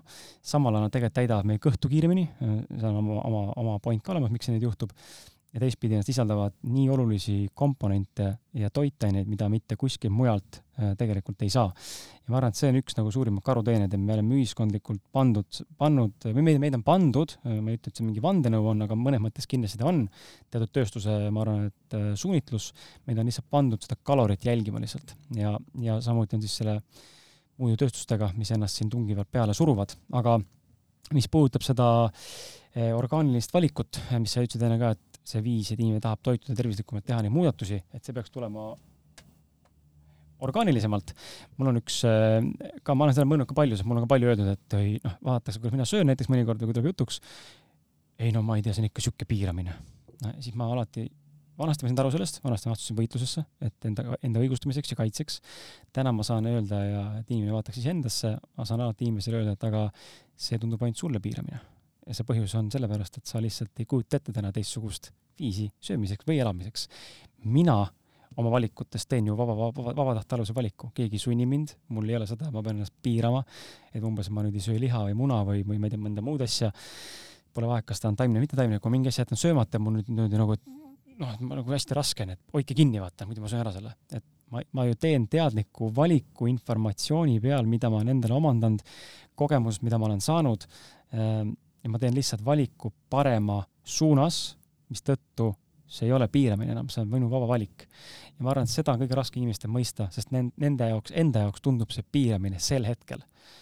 ma arvan, et kui inimene päriselt väga midagi tahab, nagu sina enda näitel tõid ka, on see usk ja, ja päriselt see nagu tahtejõud ähm, ja arusaamine informatiivselt ja intellektuaalselt, mida see valik, toit, eluviis, suhtumine, tegevus minu ja mu kehaga päriselt teeb noh, siis ma arvan, et ta teeb selle muudatuse. aga kui see tema jaoks ei ole prioriteet, noh, tervis ei ole prioriteet, ega ta ei muutu ka siis, sest ma, ma usun, et kui sa tead inimesi ja mina tean inimesi ja ma arvan, me kõik teame inimesi, kes äh,, sa võid neile tuua kandikul ette näited sellest, kuidas see toit tapab sind näiteks ja see asi siin, substants või mõnuaine tabab sind, aga ta jätkab selle kasutamist ja nagu nui neljaks isegi kiuste teeb veel rohkem. noh, aga, aga mulle tundub, et seal on mingi oma nagu juba trots juba sees. Äh, ma ei tea, kas see on tõestus või mis seal on et seda on nagu raske nagu ümber veenda, seda ei saagi, et inimene peab ise tahtma, sa ei saa kedagi sundida mitte kunagi. Ja ma kujutan ette sul äh, oma klientidega, kui sa oled neid vastu võtnud ka ja ma usun, et on olnud inimesi, kellel on väga raske vastu võtta sinu informatsiooni, nagu sulgi tollal võib-olla oli, võtta vastu raske seda, et nüüd on nii, lepi sellega, et sa töö lõpuni oled ravimite peal piltlikult öeldes. et neil võib olla vabalt toiduga, tervisliku toiduga see viis, sest nad pole harjunud sellega, et kuidas, kuidas sina nagu näed seda, kuidas inimestele anda aimu või selgitada või anda, anda nagu seda mõtteainet või, või seda, seda suunda, muutmaks oma suhtumist, et see on okei okay, kui on vaja sisse viia muudatusi et ära proovida, siis me näeme, kas see töötab või mitte. Mm. -hmm sa ütlesid vahepeal nii palju asju, millega mul oli kohe nagu mingi emotsioon, emotsioon, emotsioon. Et äh, nii palju asju, millega ma nõustusin äh,, väga-väga hästi äh, seletasid, et äh, et jaa, äh, kui saaks tagasi võtta seda sinu sama lauset, siis äh, mul oli seal vahepeal nii palju kommentaare, et äh, äh Äh, jaa, see mõttetöö on tegelikult tohutu, et ähm, et mõni inimene tulebki uksest sisse ja, ja ma alustangi sellest, et saada aru, kus ta üldse endaga on, kus ta seisab, enne kui ma hakkan analüüsima tema mingit toit, toidupäevikut ja vaatama seal tõesti neid makrosid ja, ja mikrosid ja neid asju, et ma püüan aru saada, et mis suhe tal üldse, ma võin öelda küll toidu, aga tegelikult iseendaga on, on ju. ja, ja mõni tulebki ja ütleb, et äh, noh, ma ei tea, naine saatis, mu ütles, et ma pean alla võtma, on ju, ja ma juba tean, et ma niikuinii ei tee seda, et äh, see on mulle nii raske. ja siis hakkamegi vaikselt võtma, et äh, miks see on sulle raske, mis sa, et sul on ilmselgelt eelarvamus all, on ju, et millest see tuleneb, kogemus, jaga seda, ava seda ja siis analüüsima, kas see tegelikult on nagu tõde või äkki on võimalik, et see kogemus saab olla hoopis teistsugune sest et tõesti, kui me häälestame ennast juba selliselt, et ja me teame, et mingil põhjusel me ju tahame läbi viia mingit muutust. see, et sa tuled nõustaja juurde, et tegelikult mingi soov järelikult juba all on. võib-olla see soov ei ole väga sügav, võib-olla see on see, et sa tahad, ma ei tea, alla võtta, kuna pulm on tulekul ja sa tahad muljet avaldada, mis iganes. või elukaaslane tõesti palus, et ähvardas. jah, just. aga, aga siis on ka see, et lähme sügavamale. miks, kas sa arvad, et sa muidu pole väärtuslik? Sa arvad, et sinu väärtus tuleneb läbi kehakaalu, et nagu läheme veel, veel, veel, et äh, noh, sealt äh, jah, sealt koorub alati nii palju. ja, ja kui inimesel ongi see suhtumine, et oh, ma juba tean, et see on mulle raske, sellepärast et äh, ma ei kavatsegi loobuda suhkrust ja ma ei kavatse loobuda lihast. ja, ja siis ma nagu näengi seda, et seal on hoiak, loobumine arvan, mitte keegi ei taha mitte millestki loobuda, mis talle meeldib. Läheneks äkki teistpidi, mida sa saad juurde, et näiteks kui me võtamegi juurde, ma ei tea, köögivilju, puuvilju, mis iganes, ja siis juba nagu tegelikult loomulikult, loomulikul teel väheneb ka see suhkru osakaal, sest et kui sa sööd äh, magustoiduks, valid puuviljad, siis sul tõenäoliselt peale seda enam sedasama magusaisu ei ole, mis sul oli enne, noh näide lihtsalt üks miljonist, on ju, et, et kui su häälestus on selline, et mida ma saan rohkem, ma saan rohkem energiat, ma saan rohkem head enesetunnet, ma saan oma menüü palju värvilisemaks ja palju rikkalikumaks ja kui su fookus on sellel, siis see ma arvan, et, et see teekond ei ole nii raske kui siis, kui sa mõtled, et nagu ma ikka pean ja, ja nõustaja ütles mulle ja naine käskis ja nii palju, kõik need asjad, mis mulle meeldivad, kõigest sellest pean loobuma. et tegelikult nagu plaani mõttes justkui midagi ei muutu, aga kui sa suhtud sellesse teistmoodi, et siis jah, nagu sa, sa küsisid, et äh, ma ei mäleta nüüd, kuidas sa seda küsisid, aga et, et kui palju tuleb nagu tööd teha selle mõttetasandiga, siis ma ütleks, et, et see on kõige suurem töö. Et, et need, kas sul on neid muudatusi nagu kerge või raske integreerida oma ellu, see sõltubki kõige suuremas osas suhtumisest. ja, ja tegelikult noh, ma ei saa seda garantiid anda, aga ma olen üsna kindel äh, sinu jutu äh, täpsustuseks äh, või täienduseks, et kui inimene hakkab päriselt, siis läheneb selle poole pealt, et ta vaatab asja siis sellest, mitte millest peab loobuma, vaid mida saab juurde tuua, siis ajapikku äh, ma arvan, et äh, ta automaatselt ise tahab hakata neid asju vähem tarbima. ja minu üks loogiline nagu arusaam täna on sellest see, et kui me võrdleme, miks see kalorite jälgimine nii mõttetu on, tundub olevat, sellepärast et kalorid on, ähm, toit ja kalorid on oma mahult väga erinevad. mulle meeldib see väga näide, keegi tahab guugeldada, siis minge vaadake, guugeldage äh,, ma ei tea, calories äh,, calories in your stomach picture. Ja sa näed ära kolm, no see on tavaliselt kolm, tuuakse kolm äh, kõhu nii-öelda mao äh, taset. Ja alati on võrdluseks tavaliselt kas nelisada, viissada kalorit. Ja seal on väga hästi ära näidatud, et see, mis on nagu tegelikult nii loogiline, et kui sul on kontsentreeritud, ekstraheeritud mingisugused vedelikud nagu õlid või mingisugused muud, äh, eriti rasvained just on, mis hästi kergesti saab ära, ära juua vedeliku kujul, siis see on nagu olematu kogus, tegelikult katab ära nelisada kalorit sinu maost. Järgmine tase on seal omakorda siis ähm, mingi liha või mingisugune niisugune süsivesik või mingi raskem asi, mis moodustab omakorda natuke rohkem. ja nüüd siis viimane näide alati on see, kus magu on täis, sama arvu kalorite juures on siis see taim, täis taimetoit, kus on siis palju rohelist, palju lehte, palju seda nii-öelda õhulist ja mahulist toitu, mis tundub, et ei toida, aga kõhu paneb täis. jah, see kõht võib minna kiiremini tühjaks, aga inimesed kipuvad unustama, et kui me sööme seda õli või ma toon lihtsalt noh, need pilti näites, ma toon, sööd õli või siis seda liha või mingit muud asja sööd nelja tuhande kalori eest, siis sa ei jõua elu sees süüa äh, neli tuhat kalorit täistaimsel toidul sellisel viisil, sest et sul esiteks ei taha keha nii palju, ta saab võib-olla asjad lõpuks paremini kätte ja varem või hiljem kehaga adapteerub ja kohaneb äh, nende kalorite osas ja, ja tekib uus platoo, mille pealt võib tekkida ka kaalulangus ja muud, muud asjad juurde ja loomulikult toimub kindlasti mingisugune tervenemine. aga just see pool, et me lihtsalt nii väga äh, noh, seesama, mis sa ütlesid, see mõtteteel, mõtte, mõtteosa lahendamine, et see on nii palju pseudouskumusi ja hirme äh,, hirme just loobumise ees ja hirme isegi paremaks saamises. tean tuttavaid, kes on äh, noh, ma tegelen selle puhastusasjaga samamoodi, meil on need äh, soolepuhastused, maksapuhastused, ma ei tea, kas sa üldse oled neist kuulnud, ei ole? oled sa neid teinud või ei ole, ma ei tea. oled? okei okay.. et meil inimesed, osad inimesed kardavad, äh, tead, mis inimeste hirmud osadel on? osad inimeste hirmud on see, et ma saan terv-, tervemaks. mul on äh, ka tuua üks näide. minu klient oli meesterahvas, tugevas ülekaalus ja ja tal oli ka väga palju niisuguseid blokaade miks ta kuidagi nagu ei tahtnud või noh, ma ei saa öelda, et ei tahtnud, aga kuidagimoodi see, see kaalu langetamise osa nagu tema elus, noh, ta ütles, et ta on proovinud nii paljusid asju, aga ometigi pole see teda kuskile viinud.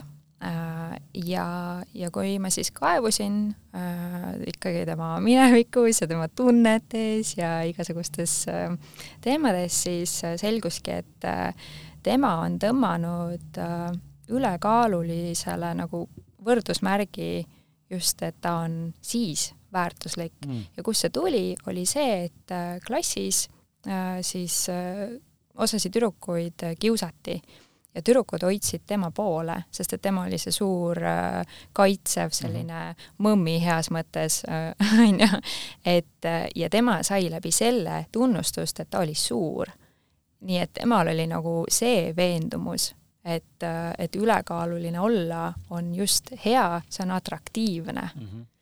ja noh, see on täiesti crazy, on ju, et tegelikult see toitumine on nii palju rohkem ja nagu sa rääkisid sellest kalorite mahust, noh, kalorite lugemine tõesti selles suhtes ma ei saa öelda, et ta on kõigile täiesti mõttetu, et kui inimene on ikkagi väga-väga tugevas ülekaalus ja see on ta tervisele ohtlik, siis mõnikord tema puhul toitumiskava on väga hea plaan ja talle väga sobib see, teisele ei sobi see üldse.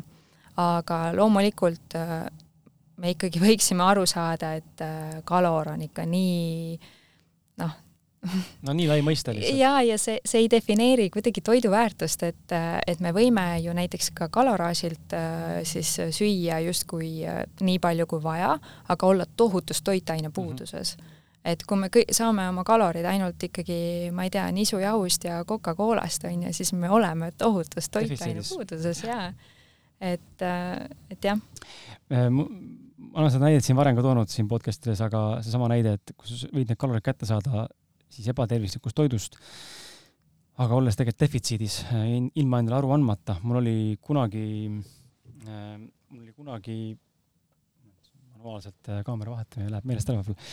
mul oli kunagi äh, töökaaslane, kui ma töötasin ühes ettevõttes, siis oli töökaaslane äh,, minu vanuses olev naisterahvas, natuke vanem, ja ta selle kahe aasta vältel, kui ma temaga seal koos nii palju, kui ma seal päevi koos veetsin, teda aeg-ajalt nägin, eks ole, me töötasime vahetustega, mõni päev ei olnud, mõni päev olid, ma nägin teda iga päev äh, söömas ja joomas ühe pika juustusaia ja poolteist liitrit Tartu limonaadi.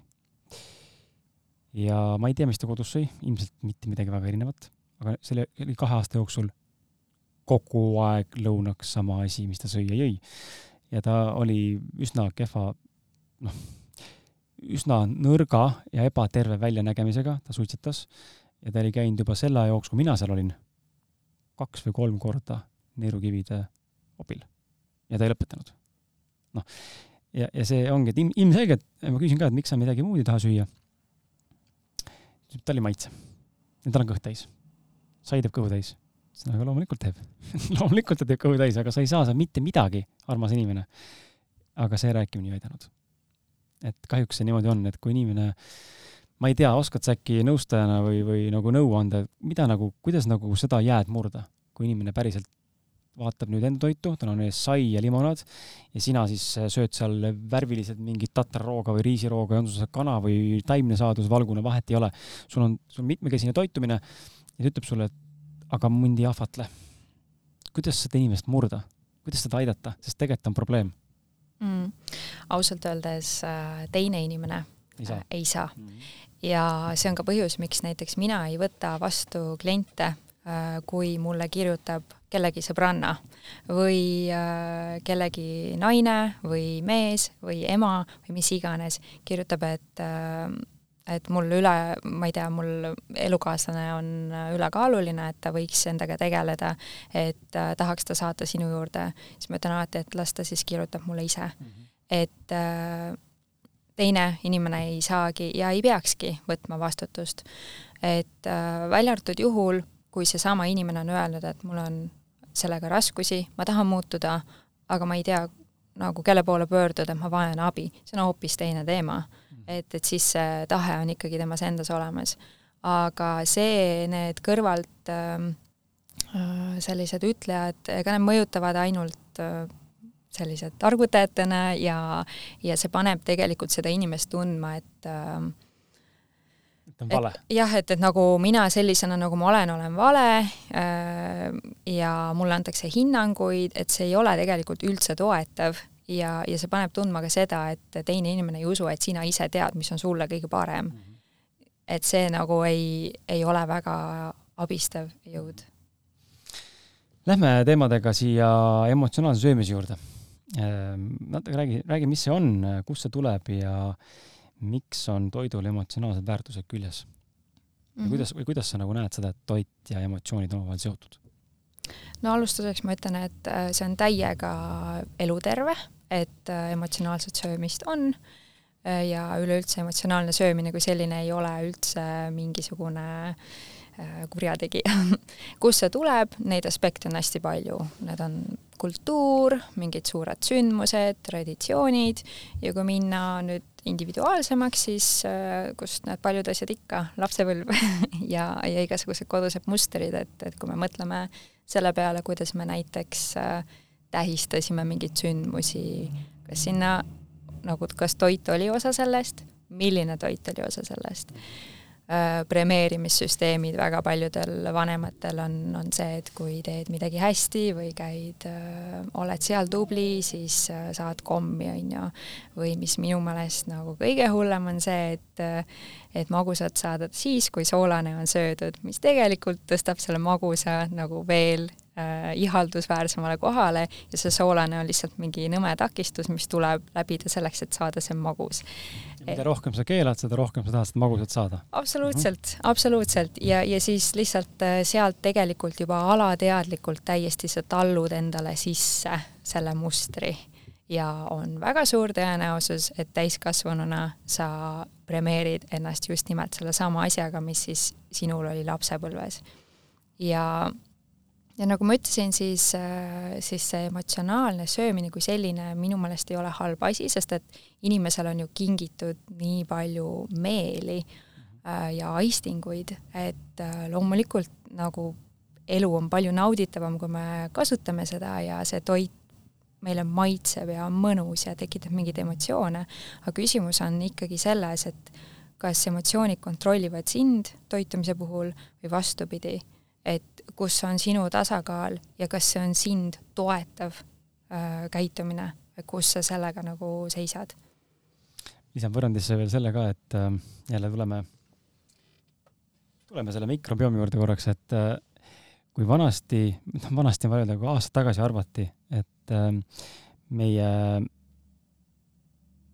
ütleme meie, meie emotsionaalne seisund mõjutab äh, meie soolestikku ja meie seedimist ja, ja ütleme üldse ainevahetust või, või siis äh, soolestikku, siis tegelikult täna näitab teadus juba vastupidist, et tegelikult mikrobioom on võimeline mitte ainult äh, võib-olla sõna kontrollima kõlab liiga rangelt, aga on võimeline mõjutama meie tundeid, emotsioone ähm, ja seda, seda, mida me tegelikult äh, kogeme.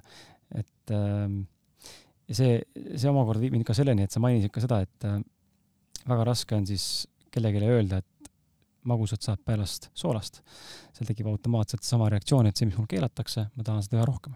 ja me oleme seda lapsepõlves näinud, mina näen seda oma lapse pealt ja ise ka äh, täiskasvanu eas samamoodi, aga täiskasvanutel on natuke mõnus trikk, mida saab, mida ma soovitan. täiskasvanutel on see lihtsam teha, sest et nad suudavad mingil määral ikkagi teadlikult aru saada, et okei okay,, ma söön seda pärast või, või ma teen teistsuguse valiku, aga laps on ikkagi kohal nüüd ja praegu ja tema ei saa aru, mis asi on pärast. tal on nüüd, nüüd, nüüd, nüüd, nüüd, nüüd, nüüd, elab hetkes kogu aeg. siis ära peita ka magustoitudesse ube, ma ei tea, mingit bataati, eh, porgandeid, noh, tsukiinit, niisuguseid asju on võimalik magustoitudesse ära peita niimoodi, et see on ikkagi magustoit, aga ta on sul sees ka juurviljad ja kaunviljad või köögiviljad, ilma et see maitset väga mõjutaks. et see on üks viis, mida me oleme näinud, mis on tõesti töötanud ja töötab meie puhul ka. et kui lapsele teeme mingit näiteks, ma ei tea, šokolaadismuutit, noh, seal on ka ainult siis mingi, mingisuguse pähklivõi, mingi taimepiim, sul on seal linaseemned, tšiiaseemned, natuke kaerahelbeid äh,, banaani, toorkakaod ja nüüd sinna sisse on võimalik peita kas musti jube või isegi näiteks peetitoorest noh, et ta saaks, maitse ei muutu, aga ta saab oma toitained kätte, sest muidu ta võib-olla ei sööks neid lihtsalt niimoodi nii palju, et, et noh, kuigi talle peet maitseb, aga lihtsalt mõttena, et see on koht, kus saab, saab asju peita äh, ja ka täiskasvanud sama asja teha. Nad ei saa tegelikult aru, kui sul kuskil mingis brownis on äh, pat-, see bataat sees, sa ei saa aru tegelikult sellest.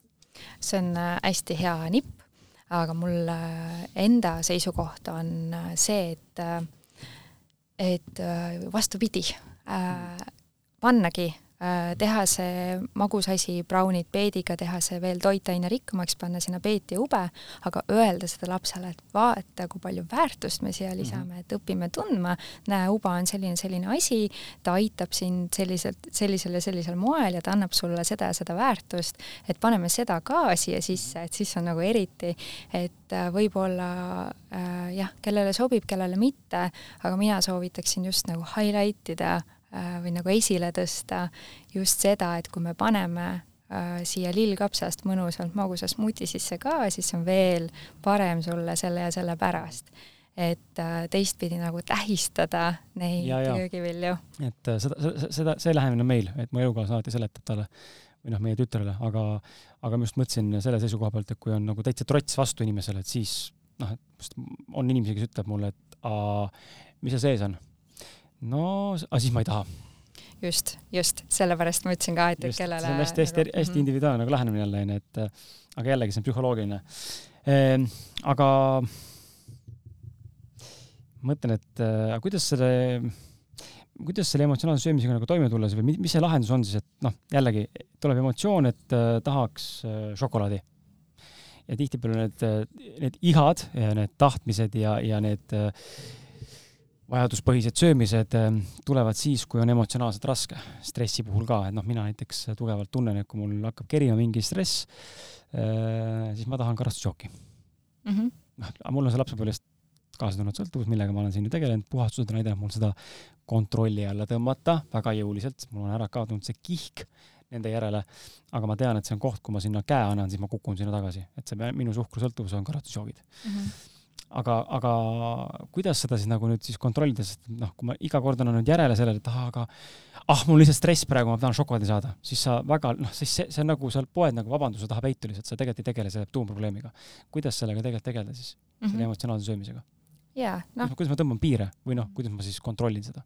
ja just noh, nagu ma ütlesin ka, et siis äh, teatud maani see ongi täiesti okei okay ja see on eluterve, aga kui sellega on probleem äh,, siis äh, üks täiesti praktiline selline ülesanne, mida ma soovitan teha. tulla sinu juurde mida ma soovitan teha niimoodi, et äh, kirjutada läbi äh, jah, see on ka ülesanne, mida, mida me võime koos teha, aga see on ülesanne, mida võib tegelikult absoluutselt igaüks äh, kas või kohe praegu pärast podcast'i seda teha läbi.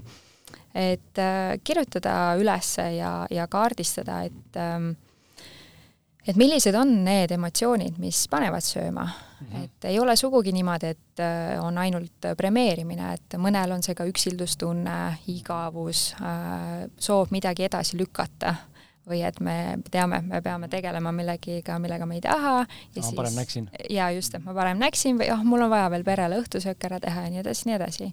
aga samamoodi ka populaarsed premeerimine, lohutus. Äh, panna kirja need emotsioonid ja vaadelda neid ja tõesti nagu korraks vaadata ausalt otsa sellele, et okei okay,, see on nii. ja siis panna sinna järele kirja äh, need asjad, mis sa siis tavaliselt sööd. ja üldiselt on need sarnased asjad, näiteks äh, ma ei tea, äh, premeerin veiniga või premeerin magusaga, panna kõik kirja, jällegi tunnetada, kaardistada, õppida ennast tundma ja siis kolmandaks, panna kirja mingisugused äh, äh, lahendused, mis sinu jaoks täidavad seda emotsiooni.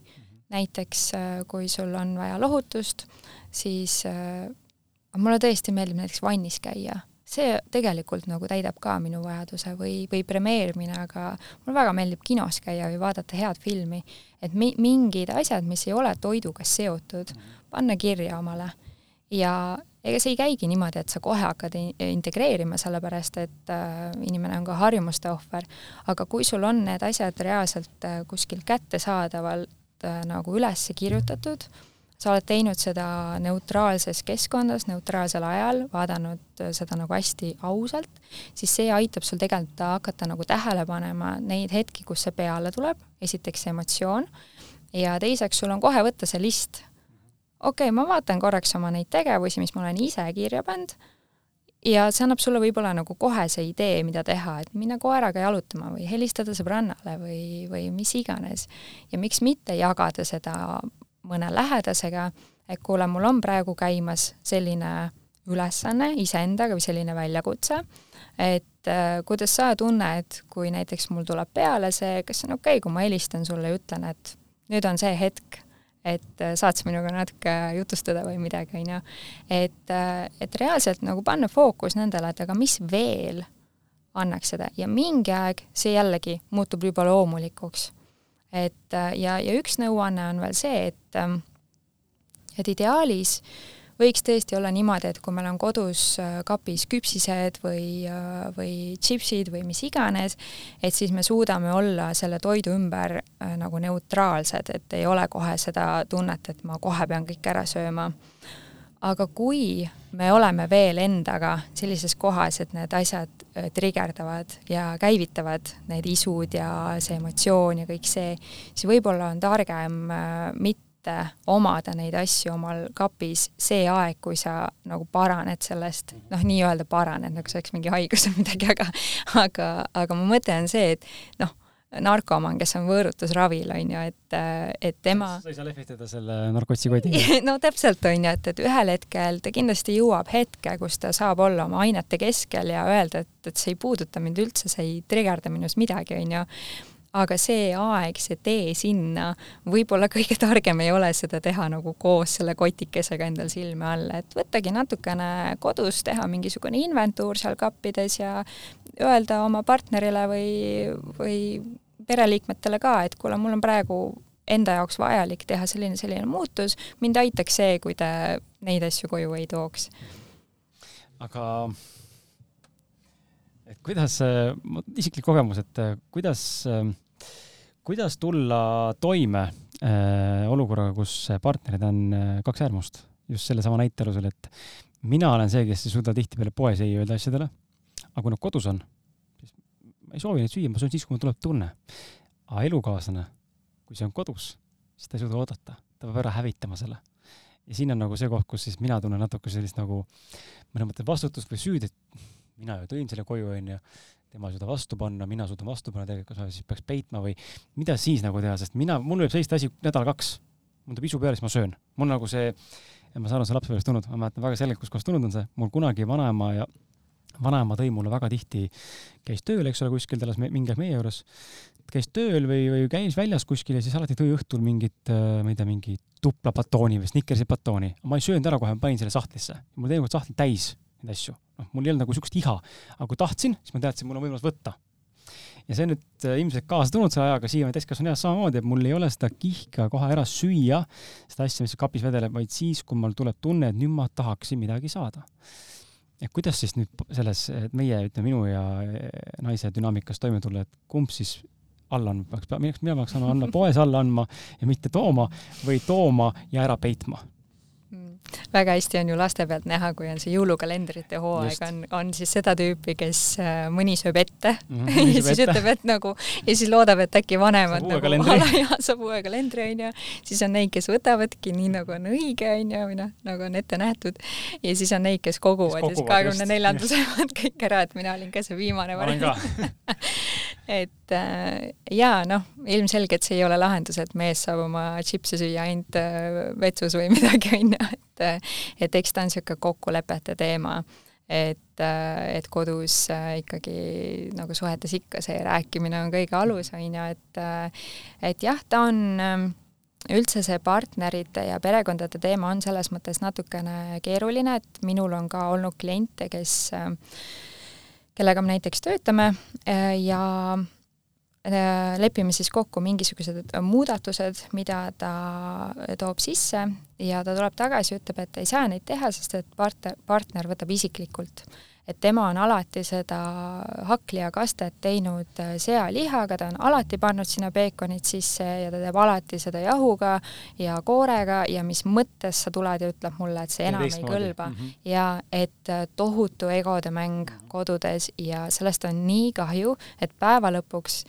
asi pole selles kastmes, asi pole kellelegi liiga tegemises, asi on selles, et üks inimene tahab muutust, muutust täpselt ja ainult paremuse poole, täpselt, et tegelikult see, kui su partner saab tervemaks või tervislikumaks, see muudab ju kõike ka kodus, sellepärast et kui üks inimene tunneb end enda kehas palju-palju paremini, siis see kõik peegeldub nagu väljapoole ka, et kõik võidavad sellest, on ju. et ähm, et jah, see toetamine on on väga tähtis tegelikult, äh, kuidas toetada, noh, siin mul on väga raske nõu anda, sest et suhtedünaamikad on nii erinevad, aga mina usun ikkagi väga palju sellesse selgitamisse, rääkimisse, et kui üks ikkagi ütleb, et no tal tõesti on raske, tal tõesti on väga raske, siis äh, arutadagi, et mis võiks olla see kuldne keskmine või mis võiks olla see lahendus? kas see isu tekib ainult, just ainult ühte sorti küpsistega või kõikide maailma küpsistega, on ju? kas on midagi, mida noh, võiks teha teisiti, on ju? ja tuleme, tuleme korra siia selle küsimuse juurde, et kuidas peatada ülesöömist. see on ka midagi, mida ma tunnen, et äh, ma ise olen nüüd hakanud teadlikumalt tegema, sest mingi hetk, kui ma sain, sain nagu aimu sellest, et äh, sain soovituse siis ühesõnaga kuskilt mingilt arstilt, mitte siis ma ei mõtle nagu, et käisin visiidil, aga netist vaadates mingit podcast'i, siis seal üks just oli see doktor Will Bulševits, kes on siis gastroenteroloog ja mikrobiomi nii-öelda siis äh, spetsialist. tema ütles, et äh, ja mind kõnetas see just, et äh, püüdke nagu süüa niimoodi, et te olete kaheksakümmend protsenti täis. noh, see võib inimesele kõlada nagu sellisena, et kuidas ma nagu seda protsentuaalset skaalat nagu mõõdan, et et äh, see tegelikult on lihtsam, kui see tundub. Ähm, ja ma olen, kui ma seda olen nüüd jälginud siin, alati ei õnnestu, eriti sellistel päevadel, kus mul on, äh, ma ei tea, noh tõesti noh, näiteks päeva jooksul ei söö mitte midagi, nii hektik päev lihtsalt on ja kuidagi ei ole isu, võib-olla ei taha ja ei jõua ja mis muidu iseenesest juba tegelikult on täitsa paigast ära, tegelikult ei peaks niimoodi olema. aga et jõuan õhtul koju ja seal on näljane nagu mingisugune hunt, eks ole, või lõvi, siis ma lihtsalt kuhjan endale taldrikusse rämeda koguse lihtsalt. Siis ma söön ennast täiesti üle, noh, niimoodi, et sul on lihtsalt ägised. Saad aru, et see ei ole õige, aga sa esiteks sööd kiiresti, sa ei mälu normaalset toitu, tänu millele ilmselt ei imendu ka hästi seda ära kõik. ja, ja siis sa lihtsalt oled täiesti täis ja kiiresti süües magu saabki kiiremini täis, seda ma olen ka märganud, et tegelikult kui sööks rahulikumalt, võib-olla siis see ports tegelikult ei tundukski nii suur, aga kui ma kugistan, noh, nagu kaev, siis äh, ilma mälumata onju, siis saab väga kiiresti täis. Ja kuidas nagu piirata ülesöömist ja kuidas ülesöömisega paremini toime tulla, mis on sinu soovitused mm? -hmm. Kris, ma võin öelda, et ma olen äh, toitumisnõustaja ja ma söön ka üle mõnikord et äh, sellest ei ole nagu tõesti, mul on kuidagi, pean tähtsaks niisugust leebet äh, leebet suhtumist äh.... kui ei oksenda, siis on okei okay.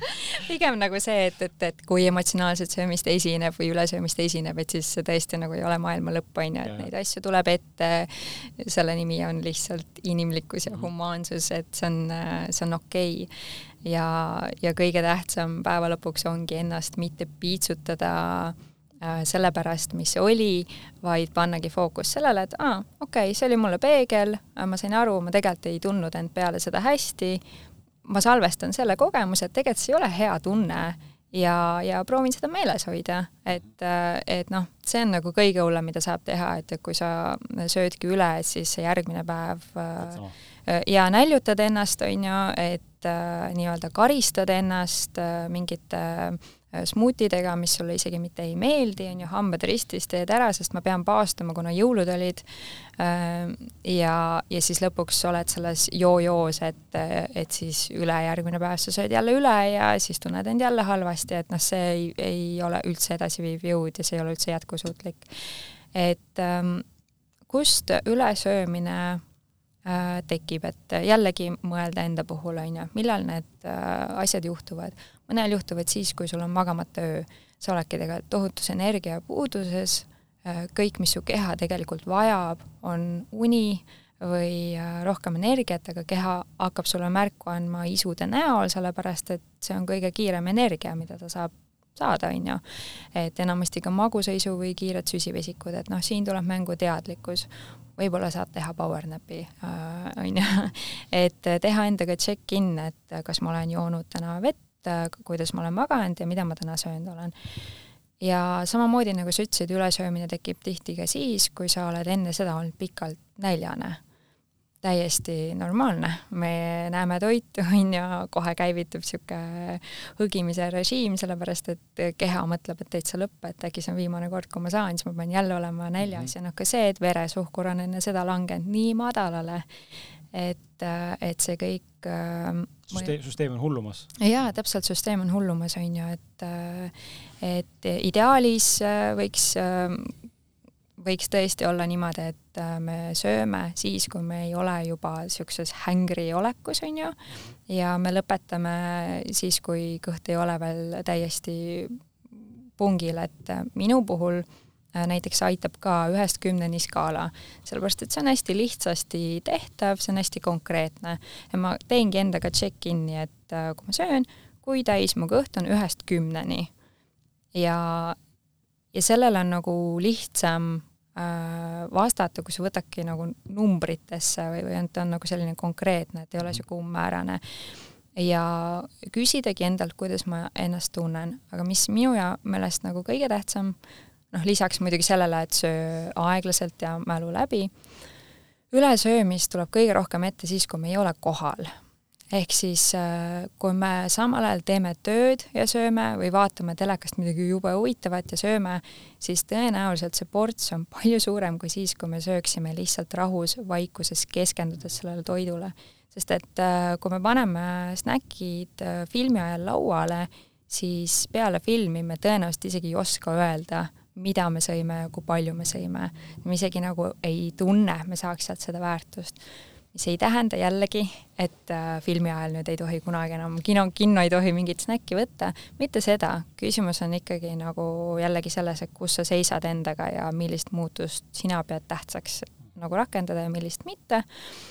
et äh,, et aga just see kohalolu, et päriselt ka nagu mõelda, et kui palju äh, me oma päevas oma toidukorrad sööme niimoodi, et me vaatame seda toitu, me nuusutame, me oskame kirjeldada tekstuure, me oskame kirjeldada seda maitset, et mitte lihtsalt, et mm, päris hea oli, vaid, äh, vaid oo, mõnus, siin mängib hapukus, siin mängib magusus, on ju.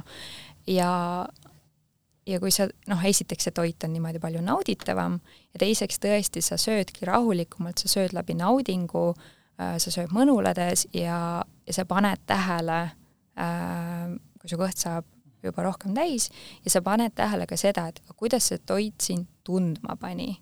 ehk siis sa kaardistad ka nagu seda, kas see toit andis sulle energiat või võttis energiat ja see jällegi orgaaniliselt aitab sul hakata tegema nagu valikuid, mis toetavad sind rohkem.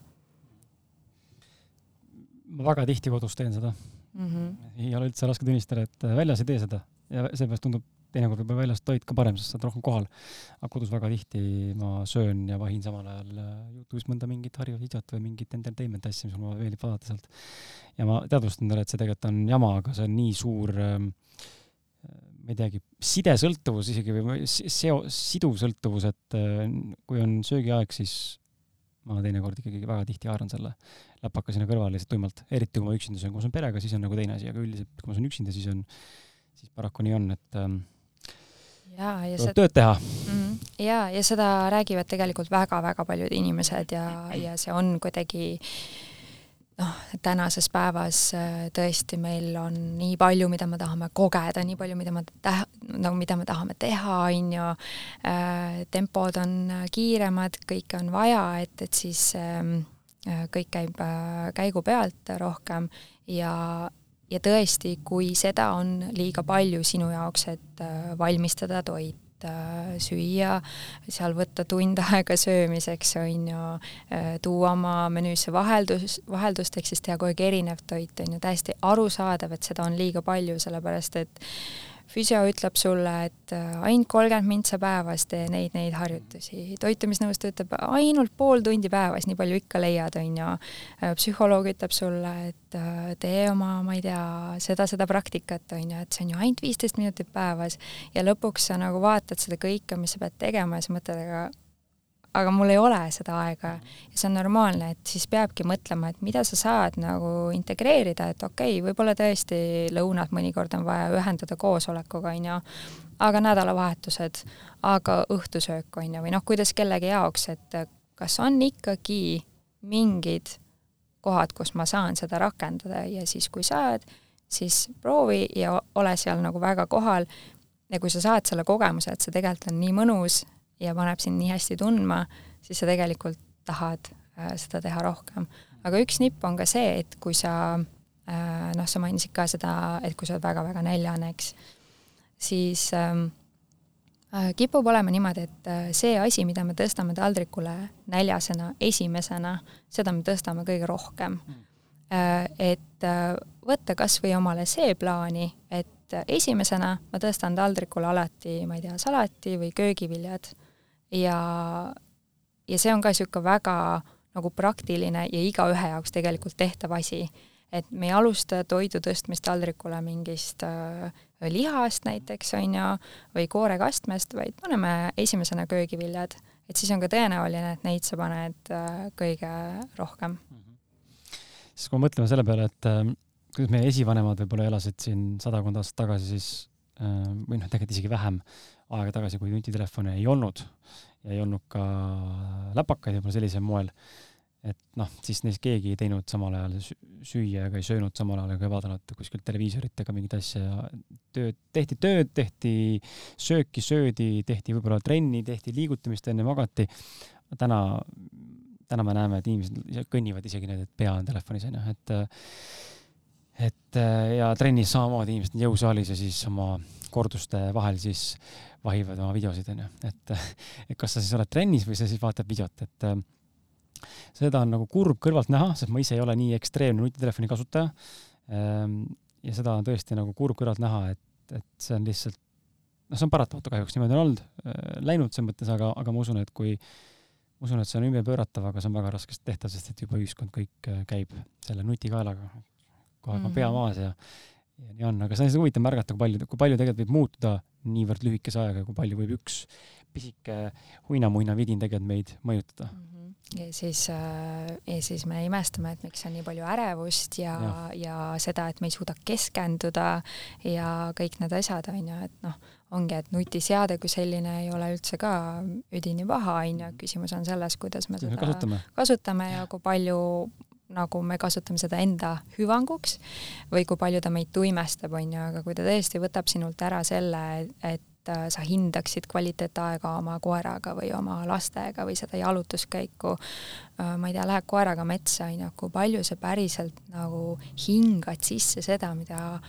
loodus sulle kingib, nagu et sul on alati nagu võimalus kogeda midagi ülimat, kui sa kui sa midagi teed või kuhugi lähed ja kui palju sa siis otsustad ennast ikkagi sealt nagu võtta mujale, on ju. et, et noh, meie energia on selles mõttes piiratud, et et me mingis mõttes teeme ju valikuid kogu aeg. et noh, kui me oleme seltskonnaga väljas, on ju, me valime, et kas me ikkagi oleme täiega siin või me oleme täiega oma, ma ei tea, telefonis ja noh, telefon või mitte, et see on ju, ju ka noh, nii-öelda mõttetasandil, et kui sa, ma ei tea, räägid kellegagi, aga tegelikult mõtetega oled täiesti mujal, siis see on täpselt noh, sama efekt, et sa ei ole kohal või kui sa sööd, aga tegelikult mõtled täiega mingit noh, mingeid homse päeva asju või mis iganes, siis, siis tegelikult see ju võtab ära selle kohalolu. sellepärast ma soovitan kõigile alustada podcast'i, et äh, kõige rohkem, äh, mis podcast on õpetanud mulle nende nelja ja poole aasta jooksul ja üle kolmesaja episoodi on salvestatud, siis äh, on õpetanud seda kohalolu. sest ma pean kuulama sind, kui sa räägid, sest vastasel juhul ma ei tea, mida küsida ja kuhu jutuga minna. et äh, muidu on see, ma küsin küsimuse ära, onju, aa minu, my job is done. et sa nüüd pea monoloogi ja siis see saade ei tule nii hea kui inimesed ei ole interaktiivsed ega ei ole tegelikult kohal.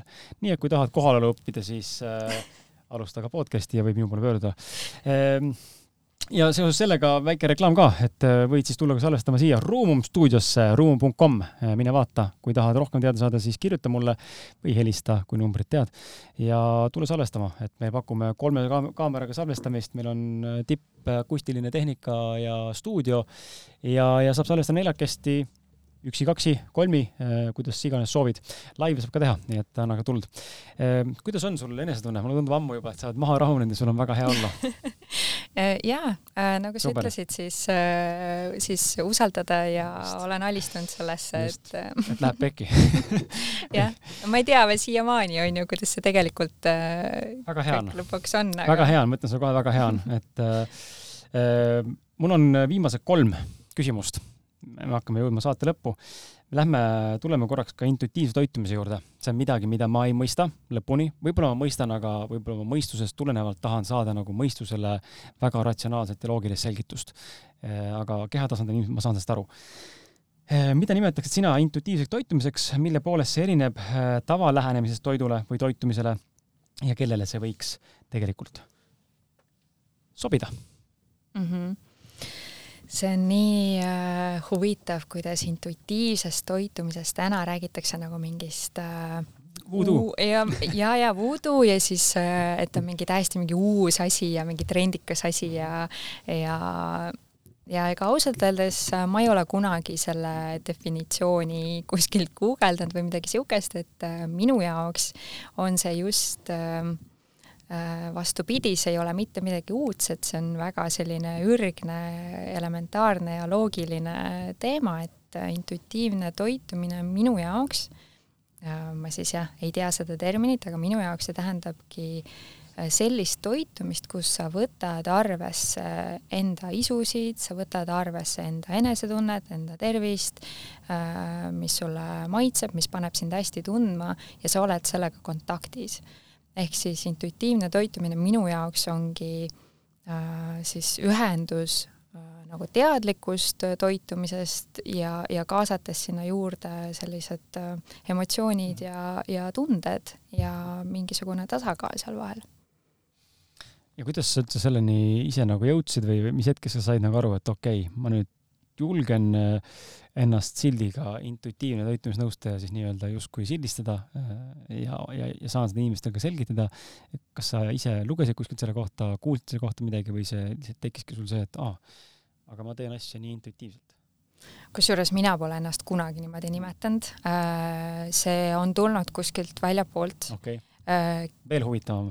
ja, ja et absoluutselt äh, mina ei, ma ei ole ennast kunagi nimetanud, ma ei tea, intuitiivse toitumise nõustajaks või, või midagi niisugust, et äh, mm, ma ei tea, minu meelest mingis mõttes kõik nõustajad võiksid olla intuitiivse toitumise nõustajad selles osas, et arvestada ikkagi inimest holistiliselt mm, -hmm. mitte just ainult noh, reaalsuses see nii ei ole.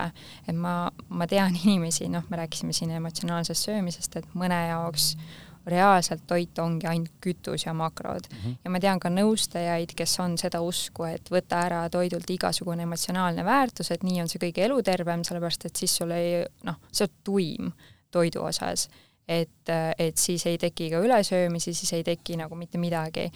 ja reaalselt neid, neid on ja noh, mõnele need sobivad, mina olen noh, täiesti teise otsa, et ähm, sa tahad naudingut? jaa, naudingut ja üldse minu meelest elu nagu noh, võiks vastu võtta nagu kõik selle, mis, mis on ju mõnus ja hea ja samal ajal niimoodi, et see meid toetab et, et jah, seda silti ma ei ole, ma ei ole tõesti nagu iseendale küll äh, külge pannud.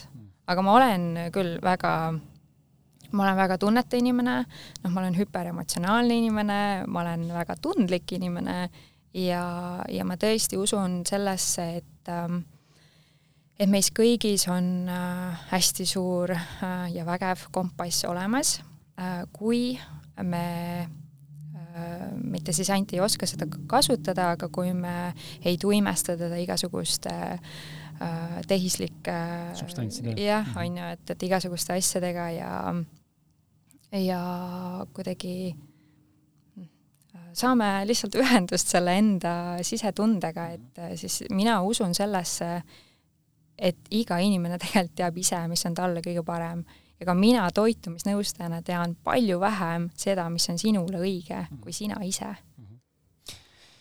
jah, see on see koht, kus äh, tuleb see hmm, mõnes mõttes äh, controversial ehk siis vastuoluline küsimus on ju, et et kui mina nõuan täiskasvanuna või et mu öeldakse, et vaata, laps teab väga hästi, mis ta peab ise sööma, et lapse keha teab, sinu keha teab, aga kui mu keha nõuab, äh, kurat, päevast päeva šokolaadi, jäätist ja kommi ja limonaadi, siis see ei ole ju tegelikult eluterve. või kas siis peaks minema selle vooluga kaasa ikkagi usaldama, sest keha ju küsib. tegelikult on need bakterid ja, ja patogeenid, kes seda küsivad, et kuidas seda nagu poolt nagu lahendada, sest ma näen, see on väga suur õigustus, mida õnneks mitte väga paljud, aga mõned inimesed täiskasvanuna ise teevad ja samuti ka oma lastele äh, noh, või oma laste kaitsmiseks välja ütlevad teinekord, et aga laps teab, mis laps tahab saada, aga laps ei tea, noh, ta on nelja-viieaastane või seitsmeaastane, ta ei tea, mis asi on üldse toit, noh, et, et, et, et nagu kuidas siis selles maailmas nagu niimoodi navigeerida mm,? just äh,, väga hea, et sa selle teemaks tõid, sellepärast et tõesti selle ümber on minu meelest seda arusaama, mis, mis minu jaoks enam ei olegi intuitiivne toitumine, sest et nagu ma ka ütlesin, see on äh, ühendus ja tasakaal teadlikkuse vahel ja tuues sinna sisse need ihad ja emotsioonid ja kõik see, aga sul ikkagi äh, selleks, et tõlgendada oma isusid, noh, teatud maani peab olema ikkagi mingeid teadmisi all. Ja see on ka põhjus, miks minu meelest võiks hakata seda koolis nagu kindlasti õpetama, on ju, et kuidas me tõlgendame isusid, et äh, kas on niimoodi, et magusaisu tähendab seda, et aga mu keha ütleb, et ta tahab šokolaadi või mu keha ütleb, et ta vajab energiat. Keha ei vaja kunagi ebakvaliteetset energiat, keha vajab alati kvaliteetset energiat, on ju, et, et ähm, seda ütleb mõistus. ja, ja, ja noh, emo-, emotsioonid võib-olla tahavad saada šokolaadi, on ju, et naisena ma saan rääkida ka väga palju sellest, et teatud tsüklifaasidega on niimoodi, et sul on oma mingid kindlad isud ja mingitel päevadel ei aitagi midagi muud, kui see üks hea mõnus tume šokolaad, on ju, ja, ja las ta siis olla, on ju, et äh, et ja, ja kui seda süüa, siis süüa seda tõelise naudinguga, on ju. aga just see isude tõlgendamine, et noh, see on nii suur teema, et, et selle jaoks on vaja tõesti mingi eraldi kümmet podcast'i, on ju, et ja ma ei saagi seda kuidagi nagu kokku võtta, et aga väga palju mängivad seal rolli tõesti kõhubakterid, ehk siis mis seisus juba on sinu mikrobioom, Äh, veresuhkru kõikumised, maguseisus samamoodi, et äh, see võib viidata äh, energiapuudusele, see võib viidata janule, see võib viidata ka sellele, et sul lihtsalt veresuhkur on läinud tohutult kõikuma, sellepärast et hommikusöögiks sa alustasid kohviga, kaerapiimaga ja sa sõid sinna peale tärklise rikka pudru, mis koosnes ainult süsiveisikutest. ja, ja sa võid kindel olla, et sellise hommikusöögiga tegelikult sul on kogu päeva vältel meeletud isud äh, ja sa tahad snäkkida. ja siis me mõtleme, et mis meil viga on, et miks mul ei ole iseloomu, et näe, ma olen äh, täiega vean ennast alt, et ma ei suuda ei öelda, aga tegelikult on põhjus selles, et sinu hommikusöök oli lihtsalt väga veresuhkrut äh, tõstev ja sul läksid Ameerika mäed käima. et siin ma ütleks, et jah, see tõlgendamine vajab ikkagi teadmisi natukene ja, ja samal ajal ka enda keha tunnetamist. meil on hästi palju vahendeid, et teha seda asja ise.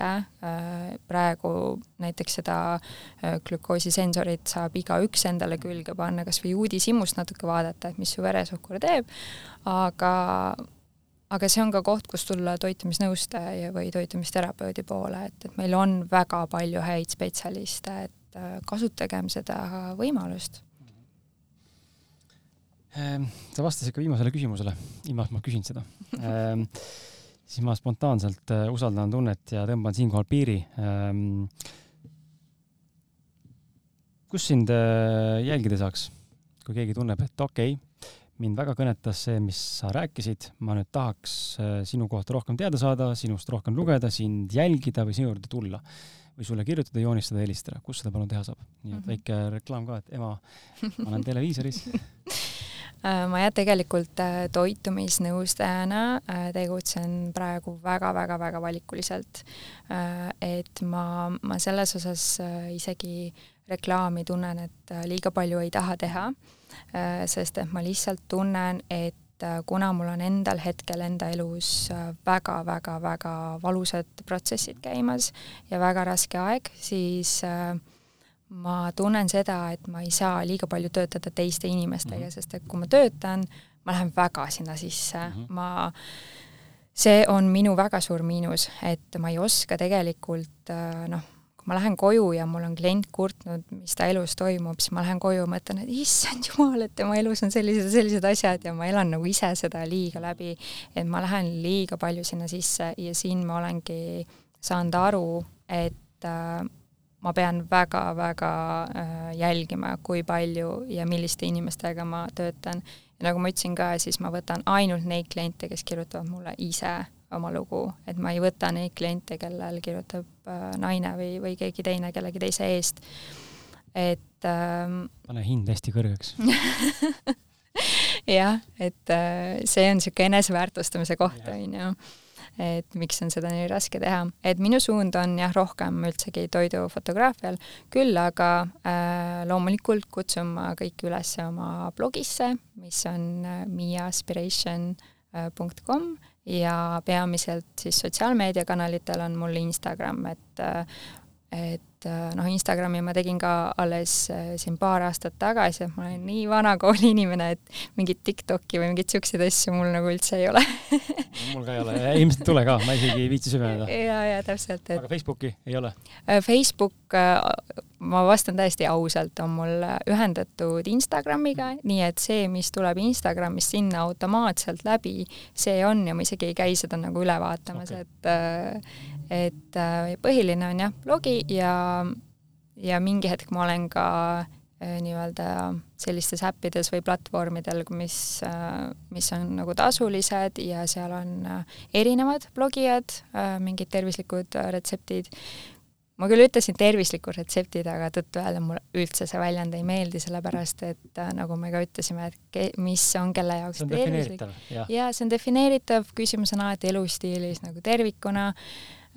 küsimus on ka selles, et kui me näiteks äh, võtame, ma ei tea, salati, mis justkui oma toitainete poolest on tervislik, on ju, aga me ei talu selle maitset ja meil on mingi jube stress seda süüa ja me teame, et noh, et ma ei taha seda, aga ma pean või seda sellerimahla jooma, on ju, kas siis selle mõju päeva lõpuks su kehale on tervislik või mitte no,? pigem mitte. just, täpselt, et äh, tervislik on nii äh, suhteline, mulle tegelikult ei, ei meeldi seda nagu väljendit kasutada aga, aga jah, jah väga vahva äh,, aitäh sulle! aitäh sulle ka! kas sa tead, kaua me salvestanud oleme? Pole õrna aimugi me podcast on kestnud tund nelikümmend seitse, viiskümmend. no vaesed kuulajad see on keskmine pikkus minu podcast'i, nii et äh, no worries, pigem sulle endale üllatuseks, et äh, jutt äh,, aeg lendab. aeg lendab. aeg lendab ja, ja ma usun, et kuulajatel oli äh, oli sama põnev. Ehm, egas midagi, ehm, mina tänan sind, eh, hea kuulaja ja, ja vaataja, kui sa otsustasid seda Youtube'ist või Facebookist videona hoopis vaadata, mitte kuulata, siis eh, aitäh, et olid meiega. ja juba järgmine episood on siis Laura Valguga, öeldakse niimoodi või, käändes, eesti keel on nii keeruline, et eh, järgmises saates on Laura Valk. Ja, ja see juba tuleb siis siin veebruari lõpupoole või veebruari kolmandikus välja, nii et jaa tule ja kuula seda saadet ka ja, ja mine vaata, mis äh, Miia toimetab ja, ja ma ei teagi. ole terve, ei olegi soovitada. tšau! ja mina tahaksin äh, omalt poolt äh, öelda seda, et äh, kui kuulaja sai siit mingisugust väärtust või midagi, mida, mida rakendada või üldse enda endaga kaasa võtta, siis mul oleks väga hea meel kui kui sa seda minuga jagaksid. Äh, et äh, nagu me vist mainisime ka, et see on minu esimene kogemus mm, -hmm. nii et see teeks mulle väga palju rõõmu ja boost'iks enesekindlust. ja seda ka, et ehkki see on selline sisemine teema niikuinii, aga, aga see teeks mind äh, väga rõõmsaks. ja Kris, aitäh sulle esiteks, et ma sain selle kogemuse, et sa kutsusid ja et sa tõesti hoidsid seda ruumi nii nii mõnusalt, loomuliku ja, ja turvalise ja pingevabana. ma lubasin sulle. jah ja, aitäh sulle veel kord ja tšau-tšau